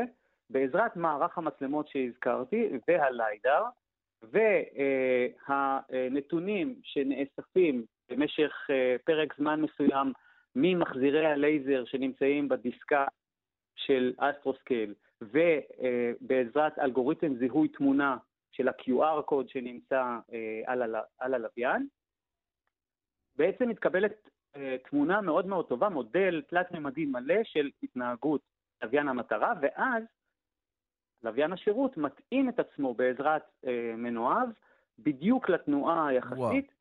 ואז שולח את הזרוע המגנטית, נדבק לדיסקה שמחוברת בצורה קשיחה לגוף הלוויין, ומרגע שהם מחוברים הם בעצם גוף אחד, וכעת לוויין השירות יכול לתמרן, בין אם זה אה, להורדה של הלוויין המקולקל לאטמוספירה ולשרוף אותו, בין אם זה אה, שינוי מסלול, ואפילו, כמו שציינתי, לשמש כמו ג'טפק חיצוני ובעצם להאריך את חיי המשימה של לוויין שנגמר לו דלק. Mm, אה, זה, זה לא תמיד לפנות או לסלק, אלא לעיתים זה... נכון מאוד. דווקא להעניק נכון לו מאוד.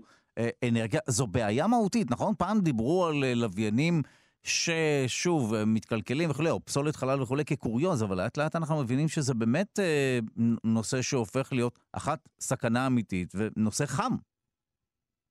זה בעיה אמיתית מאוד. אה, לאחרונה דיברנו גם על אה, תוצאות הטיל נגד אה, לוויינים הרוסי, שפיזר שברים שמסכנים אפילו את תחנת החלל הבינלאומית, חלקם קטנים מאוד, אבל חלקם גדולים. יש לא מעט לוויינים שאיבדו שליטה. ככל שיש יותר לוויינים שמשוגרים, ואנחנו מדברים, דודו, על תחזית של מעל אלף לוויינים חדשים בכל שנה בעשור הקרוב, ואנחנו מדברים על קצב של כ-20 אלף לוויינים עד אה, סוף העשור שיהיו אה, פעילים וידרשו סוג של אה, שירות ותחזוקה כזה או אחר, ולכן מדובר בבעיה מהותית. טוב, תודה לך על הדברים, מידד פריאנטה, יזם, מהנדס חלל וסמנכ"ל טכנולוגיות ב-Sky and Space Global. תודה. תודה, דודו, יום טוב.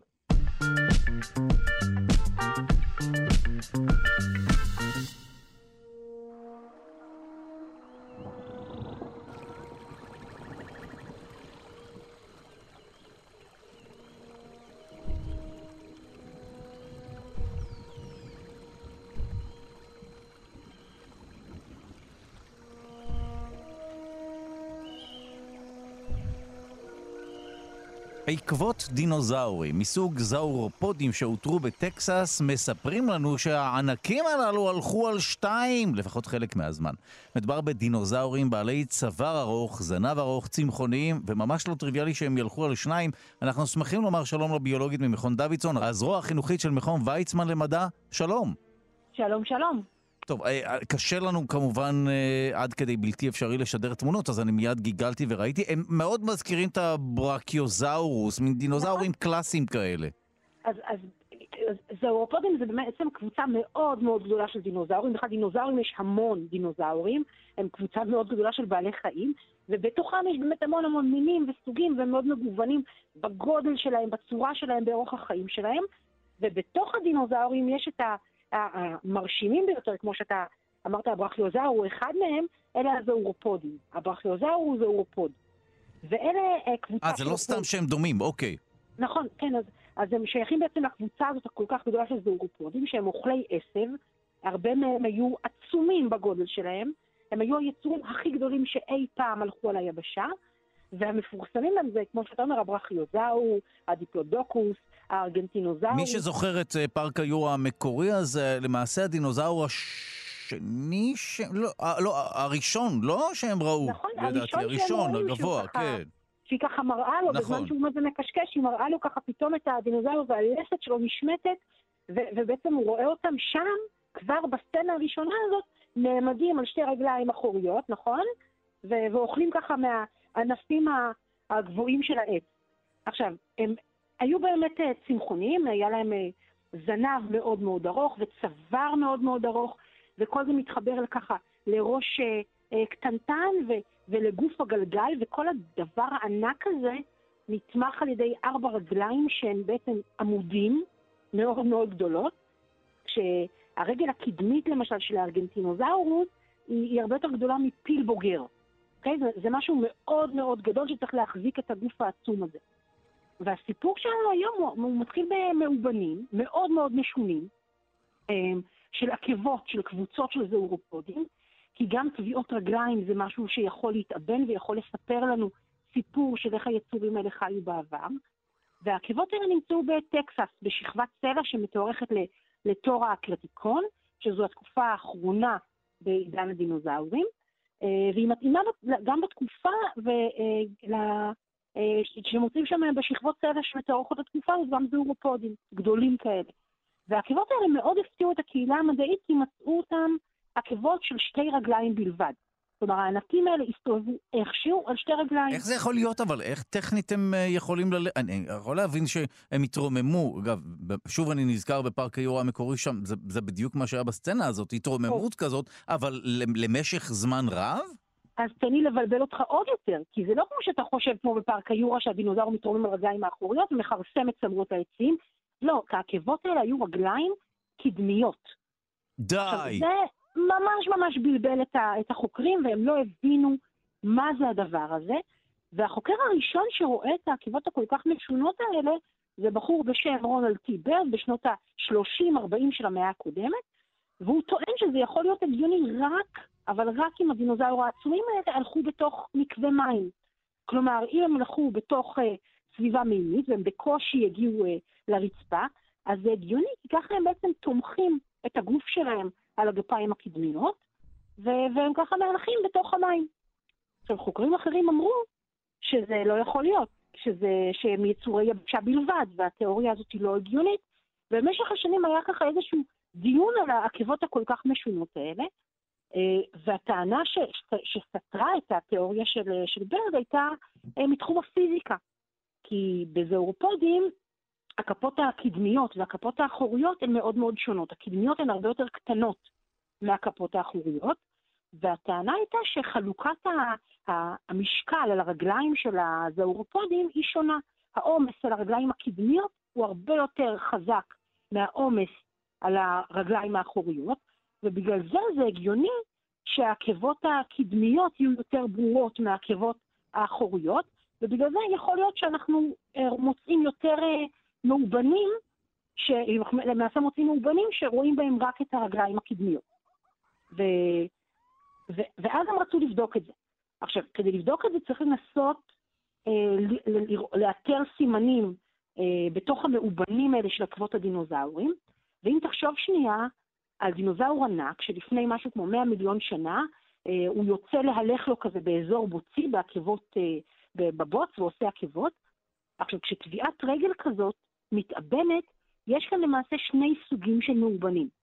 יש את המאובן של טביעת הרגל, את, החור שנוצר ככה באדמה כשהדינוזאור דורך שם, אבל תוך כדי שהוא דורך, הוא גם דוחף את שכבת הקרקע שנמצאת מתחת לפני השטח. וגם זה יכול להתאבד. אמ, ואם חלוקת העומס על הרגליים היא לא שווה בזאורופודים, אז המאובנים אה, של העקיבות מהסוג השני, כלומר אלה שנוצרים בגלל העומס על גבי השכבות התחתונות בקרקע, אז ייווצרו לי בעצם רק מאובנים של רגליים קדמיות. כלומר, אפילו mm-hmm. שהדינוזאור הזה הלך על ארבע, אני אראה למעשה בסוג הזה של המאובנים רק את הרגליים הקדמיות. במשך הרבה שנים באמת זאת הייתה הטענה, שככה נוצרו המאובנים האלה, שמצאו את המאובנים האלה, שבעצם היה כאן דינוזאור שהלך על ארבע, אבל אנחנו מוצאים רק את העקבות הקדמיות, כי הסוג הזה של המאובנים הוא של השכבה הנמוכה יותר בקרקע. ואז, בשנת 2007 מצאו שוב מאובנים כאלה. שוב, בטקסס, באזור שהוא ידוע ככה בעשיר במאובנים של עקבות דינוזאורים, והפעם מצאו שלושה טורים מקבילים. כלומר, עקבות של שלושה פרטים שונים שצועדים על הרגליים הקדמיות שלהם. עכשיו, למרות שלא יודעים אה, מהעקבות איזה זאורופוד, כלומר, אני לא יכולה ממש לתאר את המין מתוך העקבות האלה, אבל רואים מתוך הגודל של העקבה וגם מתוך תבנית ההליכה שנוצרת מהצורה שנוצרת בגלל ההליכה שלהם, רואים שזה מין אחר של דינוזאורים. זה ללא אותן עקבות שמצאו בשנות ה-30, אלא זה מין אחר של דינוזאורים, הן גדולות יותר. הקוטר של אה, כף הרגל של העקבה הזאת זה משהו כמו 70 סנטימטרים, שזה גדול מאוד, וחושבים שזה מין הרבה הרבה יותר גדול מזה שיצר את העקבות הקודמות. ומה שעוד יותר מרשים כאן, שהפעם מדובר בעקבות אמיתיות. כלומר, לא משהו שנוצר בגלל הלחץ על הקרקע, אלא ממש החור שנוצר על ידי הרגל. וזה שוב מציף את השאלה של איך הדבר הזה נוצר, כי פתאום לא כל כך, לא כל כך הגיונית התיאוריה של חלוקת העומס על הרגליים. והממצא הזה מעלה מחדש את, ה, את הטענה של ברד לגבי הליכה של דינוזאורים כאלה כל כך כל כך גדולים במים, ויצירה של אה, אה, תביעות רגל רק מהרגליים הקדמיות, בגלל התקדמות במים שהם נעים בסביבה מימית, תומכים בעצם את הגוף שלהם בבוץ על גבי רגליים קדמיות, ויוצרים עקבות שהן עקבות אמיתיות רק של הרגליים הקדמיות. טוב, לא יהיה מילוט מ... בסופו של דבר לנסות ולפענח אה, אה, את מה שקרה באמת, או את, אה, את האופן, לגלות את האופן שבו הם הלכו באמת באמצעות הקמה של פארק, כמובן עם דינוזאורים. שם הכל ישתבש, ואז אנשים ירוצו. אבל אפשר גם להסתכל על יצורים שחיים היום, והם מאוד גדולים, והם לא מורגלים אולי לחיים במים, ולראות איך הם מתקדמים. ואם מסתכלים למשל אפילו על משהו קטנטן כמו היפופוטם, אה, לעומת זאורופודים, אפשר לראות שכשהיפופוטמים למשל מתקדמים במים, גם להם יש לך ארבע רגליים מאוד מאוד מסיביות, וכשהם מתקדמים במים, הרבה מאוד פעמים הם עושים בדיוק את אותה תנועה של הליכה על הגפיים הקדמיות, כדי לקדם את עצמם. טוב, אז, אז, אז נ... אפשר... ניסיתי לקדם את ענייני הפארק, ובכל זאת נתת לי קונטרה מתחום המדע לצערי, אז אנחנו נוריד אותך אה, מהשידור, זה לא, לא מקובל הדבר הזה. אבל האמת שזה באמת אה, מרתק, ופשוט אה, גגלו זאורופודים ותראו את היצורים המופלאים האלה, שככל הנראה בקונסטלציה מסוימת הלכו על שתי הרגליים הקדמיות. כן. וואו. תודה לך, הביולוגית ורד שפירא ממכון דוידסון, הזרוע החינוכית של מכון ויצמן למדע. תודה. תודה לכם.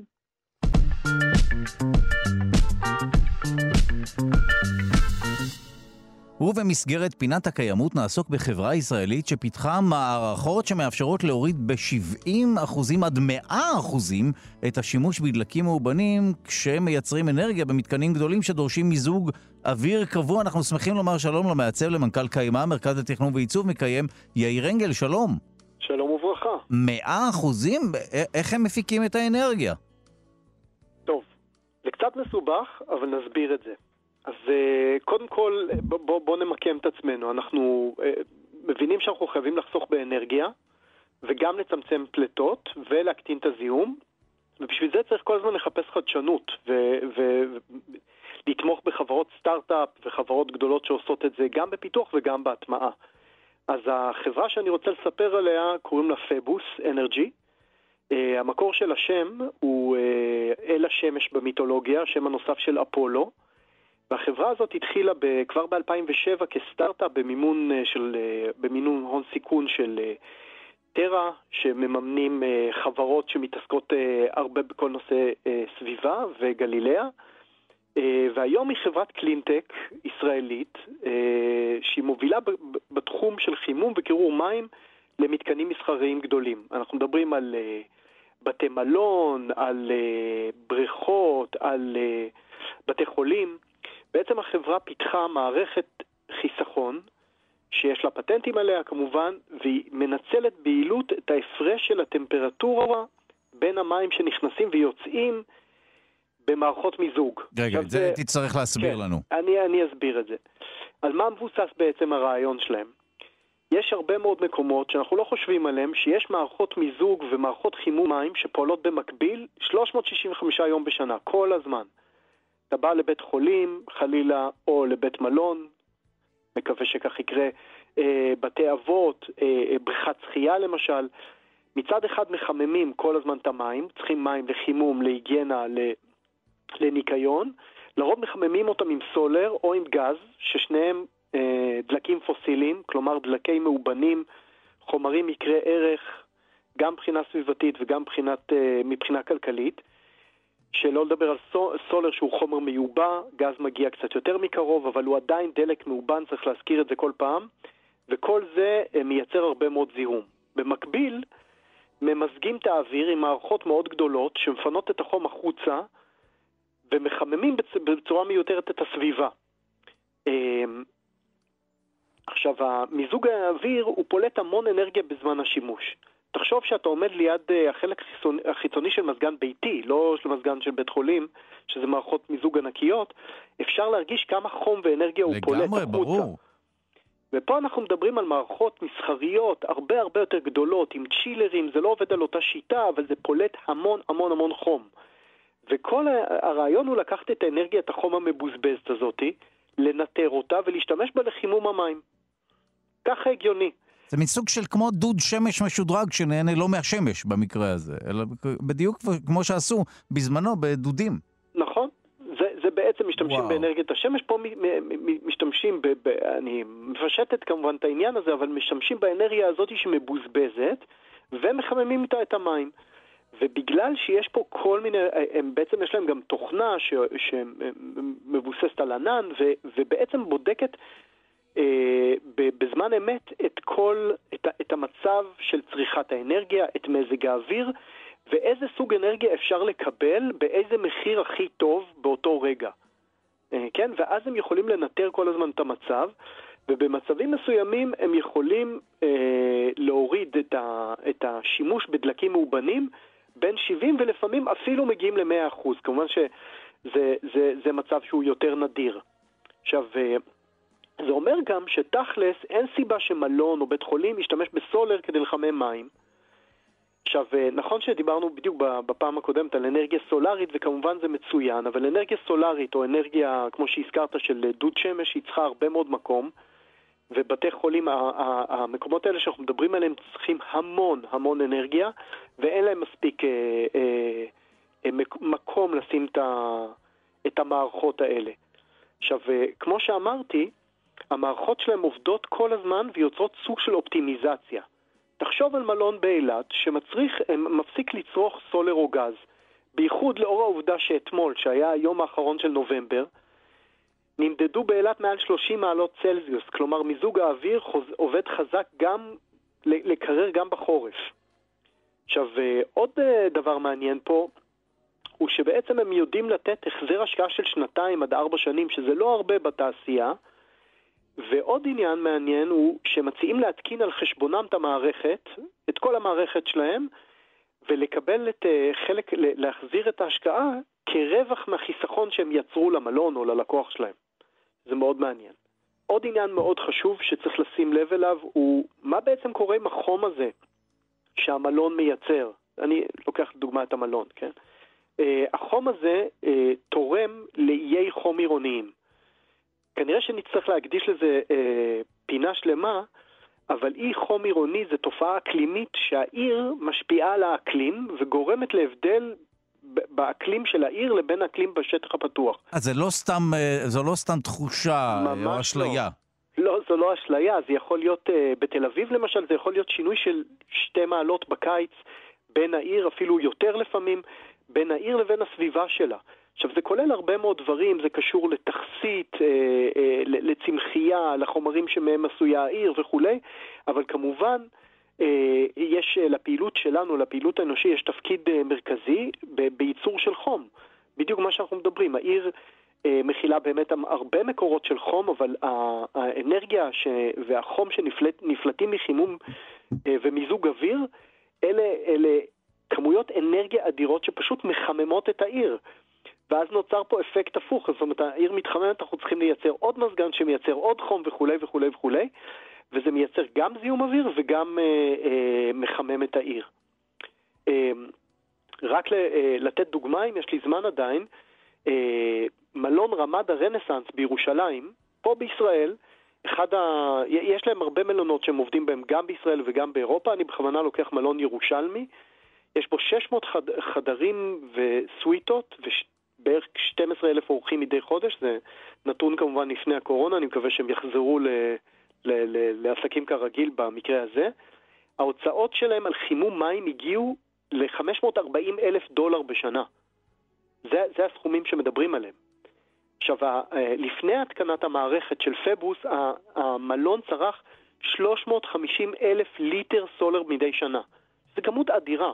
ועוד פעם צריך להדגיש, אין לנו סולר בישראל, זה הכל חומרים מיובאים, חומרים מזהמים, אה, גם בשימוש שלהם, גם בייצור שלהם, גם בפליטות שלהם, ולכן אה, עלויות החימום שלהם ירדו מ-540 אלף דולר ל-190 אלף דולר, והם חסכו כ-70% מצריכת הסולר, הדיזל שלהם, שאנחנו מדברים פה על צריכה, על, אה, על חיסכון אדיר, וגם ירידה בפליטת הגזים וההתחממות הגלובלית, כמובן. לסיכום, אנחנו צריכים אה, יותר ויותר פתרונות חדשניים, ובמקביל אנחנו צריכים למצוא דרכים לעודד ולדחוף את ההטמעה שלהם, מכיוון שאנשים כמו אנשים, יש להם קושי ב... להכניס רעיונות חדשים, אפילו אם הם מוכחים ומשתלמים. וואו, טוב, תודה לך על הדברים, יאיר אנגל, מעצב, מנכ"ל קיימה, מרכז לתכנון ועיצוב מקיים. תודה. תודה רבה.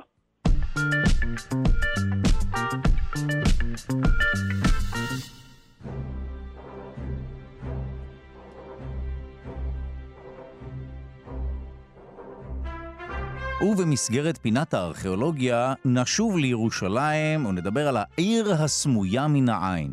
שלום למדען הראשי של רשות העתיקות, פרופסור גדעון אבני, שלום. שלום, בוקר טוב. למה הכוונה העיר הסמויה מן העין? מה מכוון הביטוי? אה, טוב, זה ביטוי שבא להראות, אנחנו הרי יודעים שירושלים, כמו כל עיר היסטורית, יש בה הרבה מאוד אה, אה, מבנים עתיקים, מונומנטים, אתרים ארכיאולוגיים שמבקרים בהם. אבל יש גם עיר אחרת, עיר שלא רואים אותה, וזאת העיר שנמצאת בעצם מתחת לעיר המודרנית שבנויה.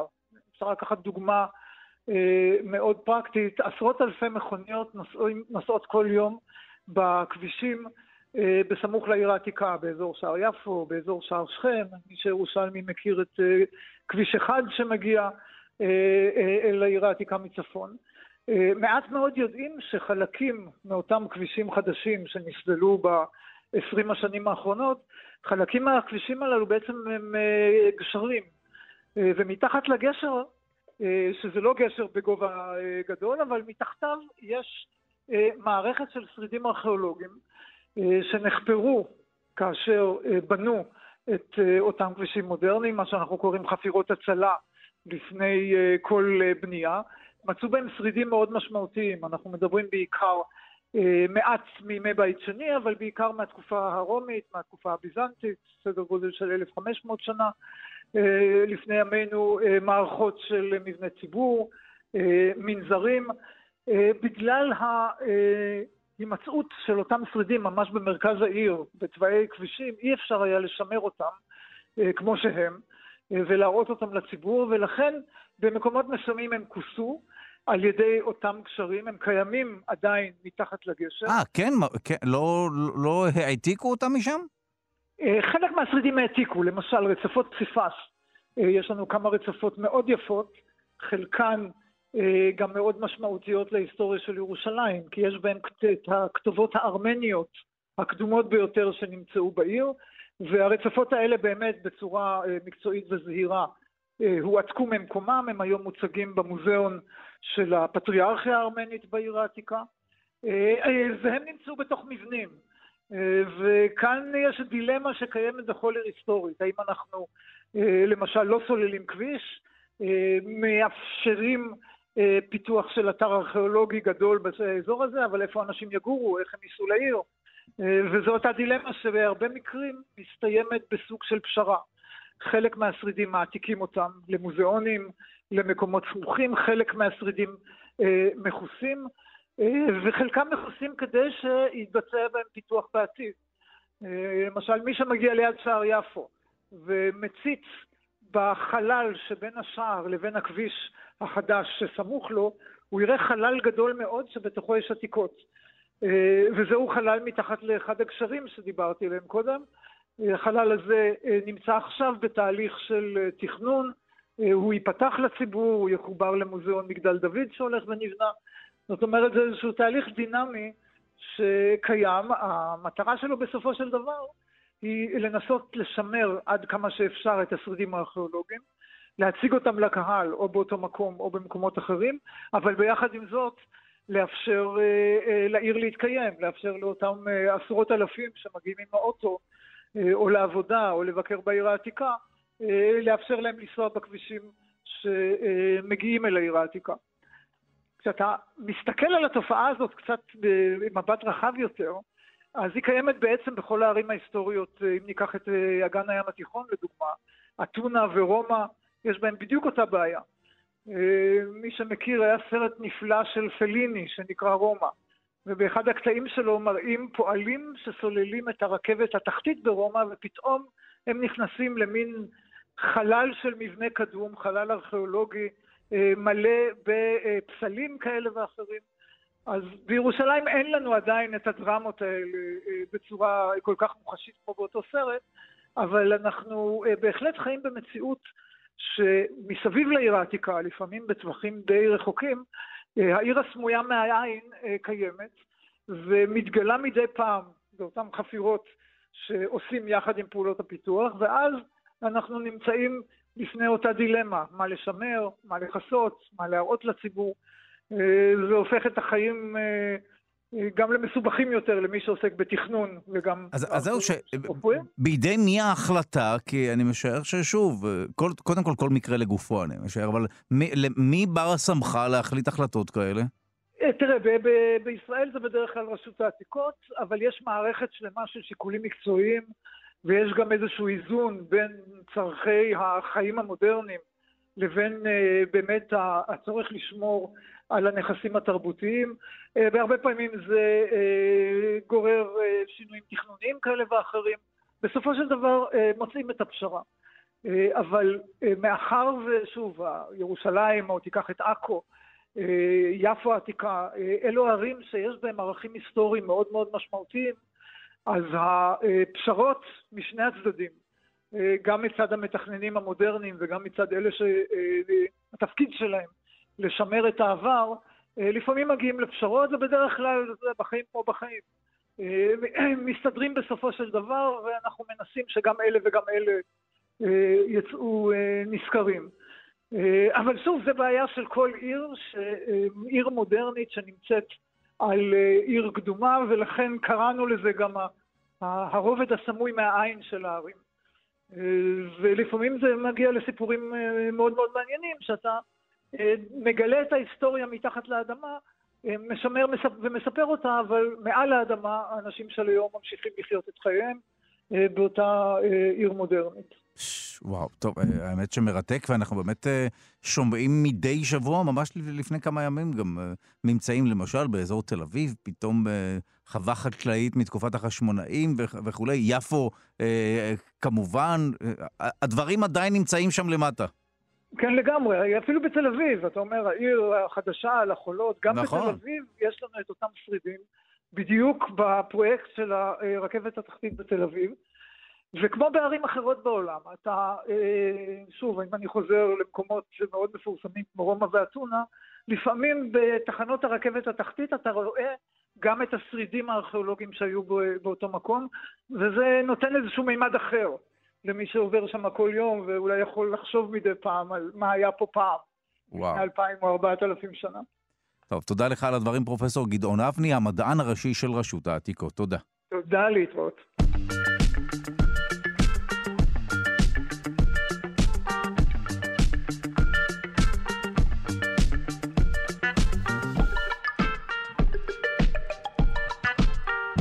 סיימנו את התוכנית להיום, העורך היה רז חסון, המפיקה אלכסנדרה לויקר. לביצוע הטכני די.ג'י אלון מקלר, תודה רבה ליגאל שפירא שמלווה אותנו. אתם ואתן מוזמנים ומוזמנות להצטרף לקהילה הרשמית של שלושה שיודעים בפייסבוק, כאן שלושה שיודעים.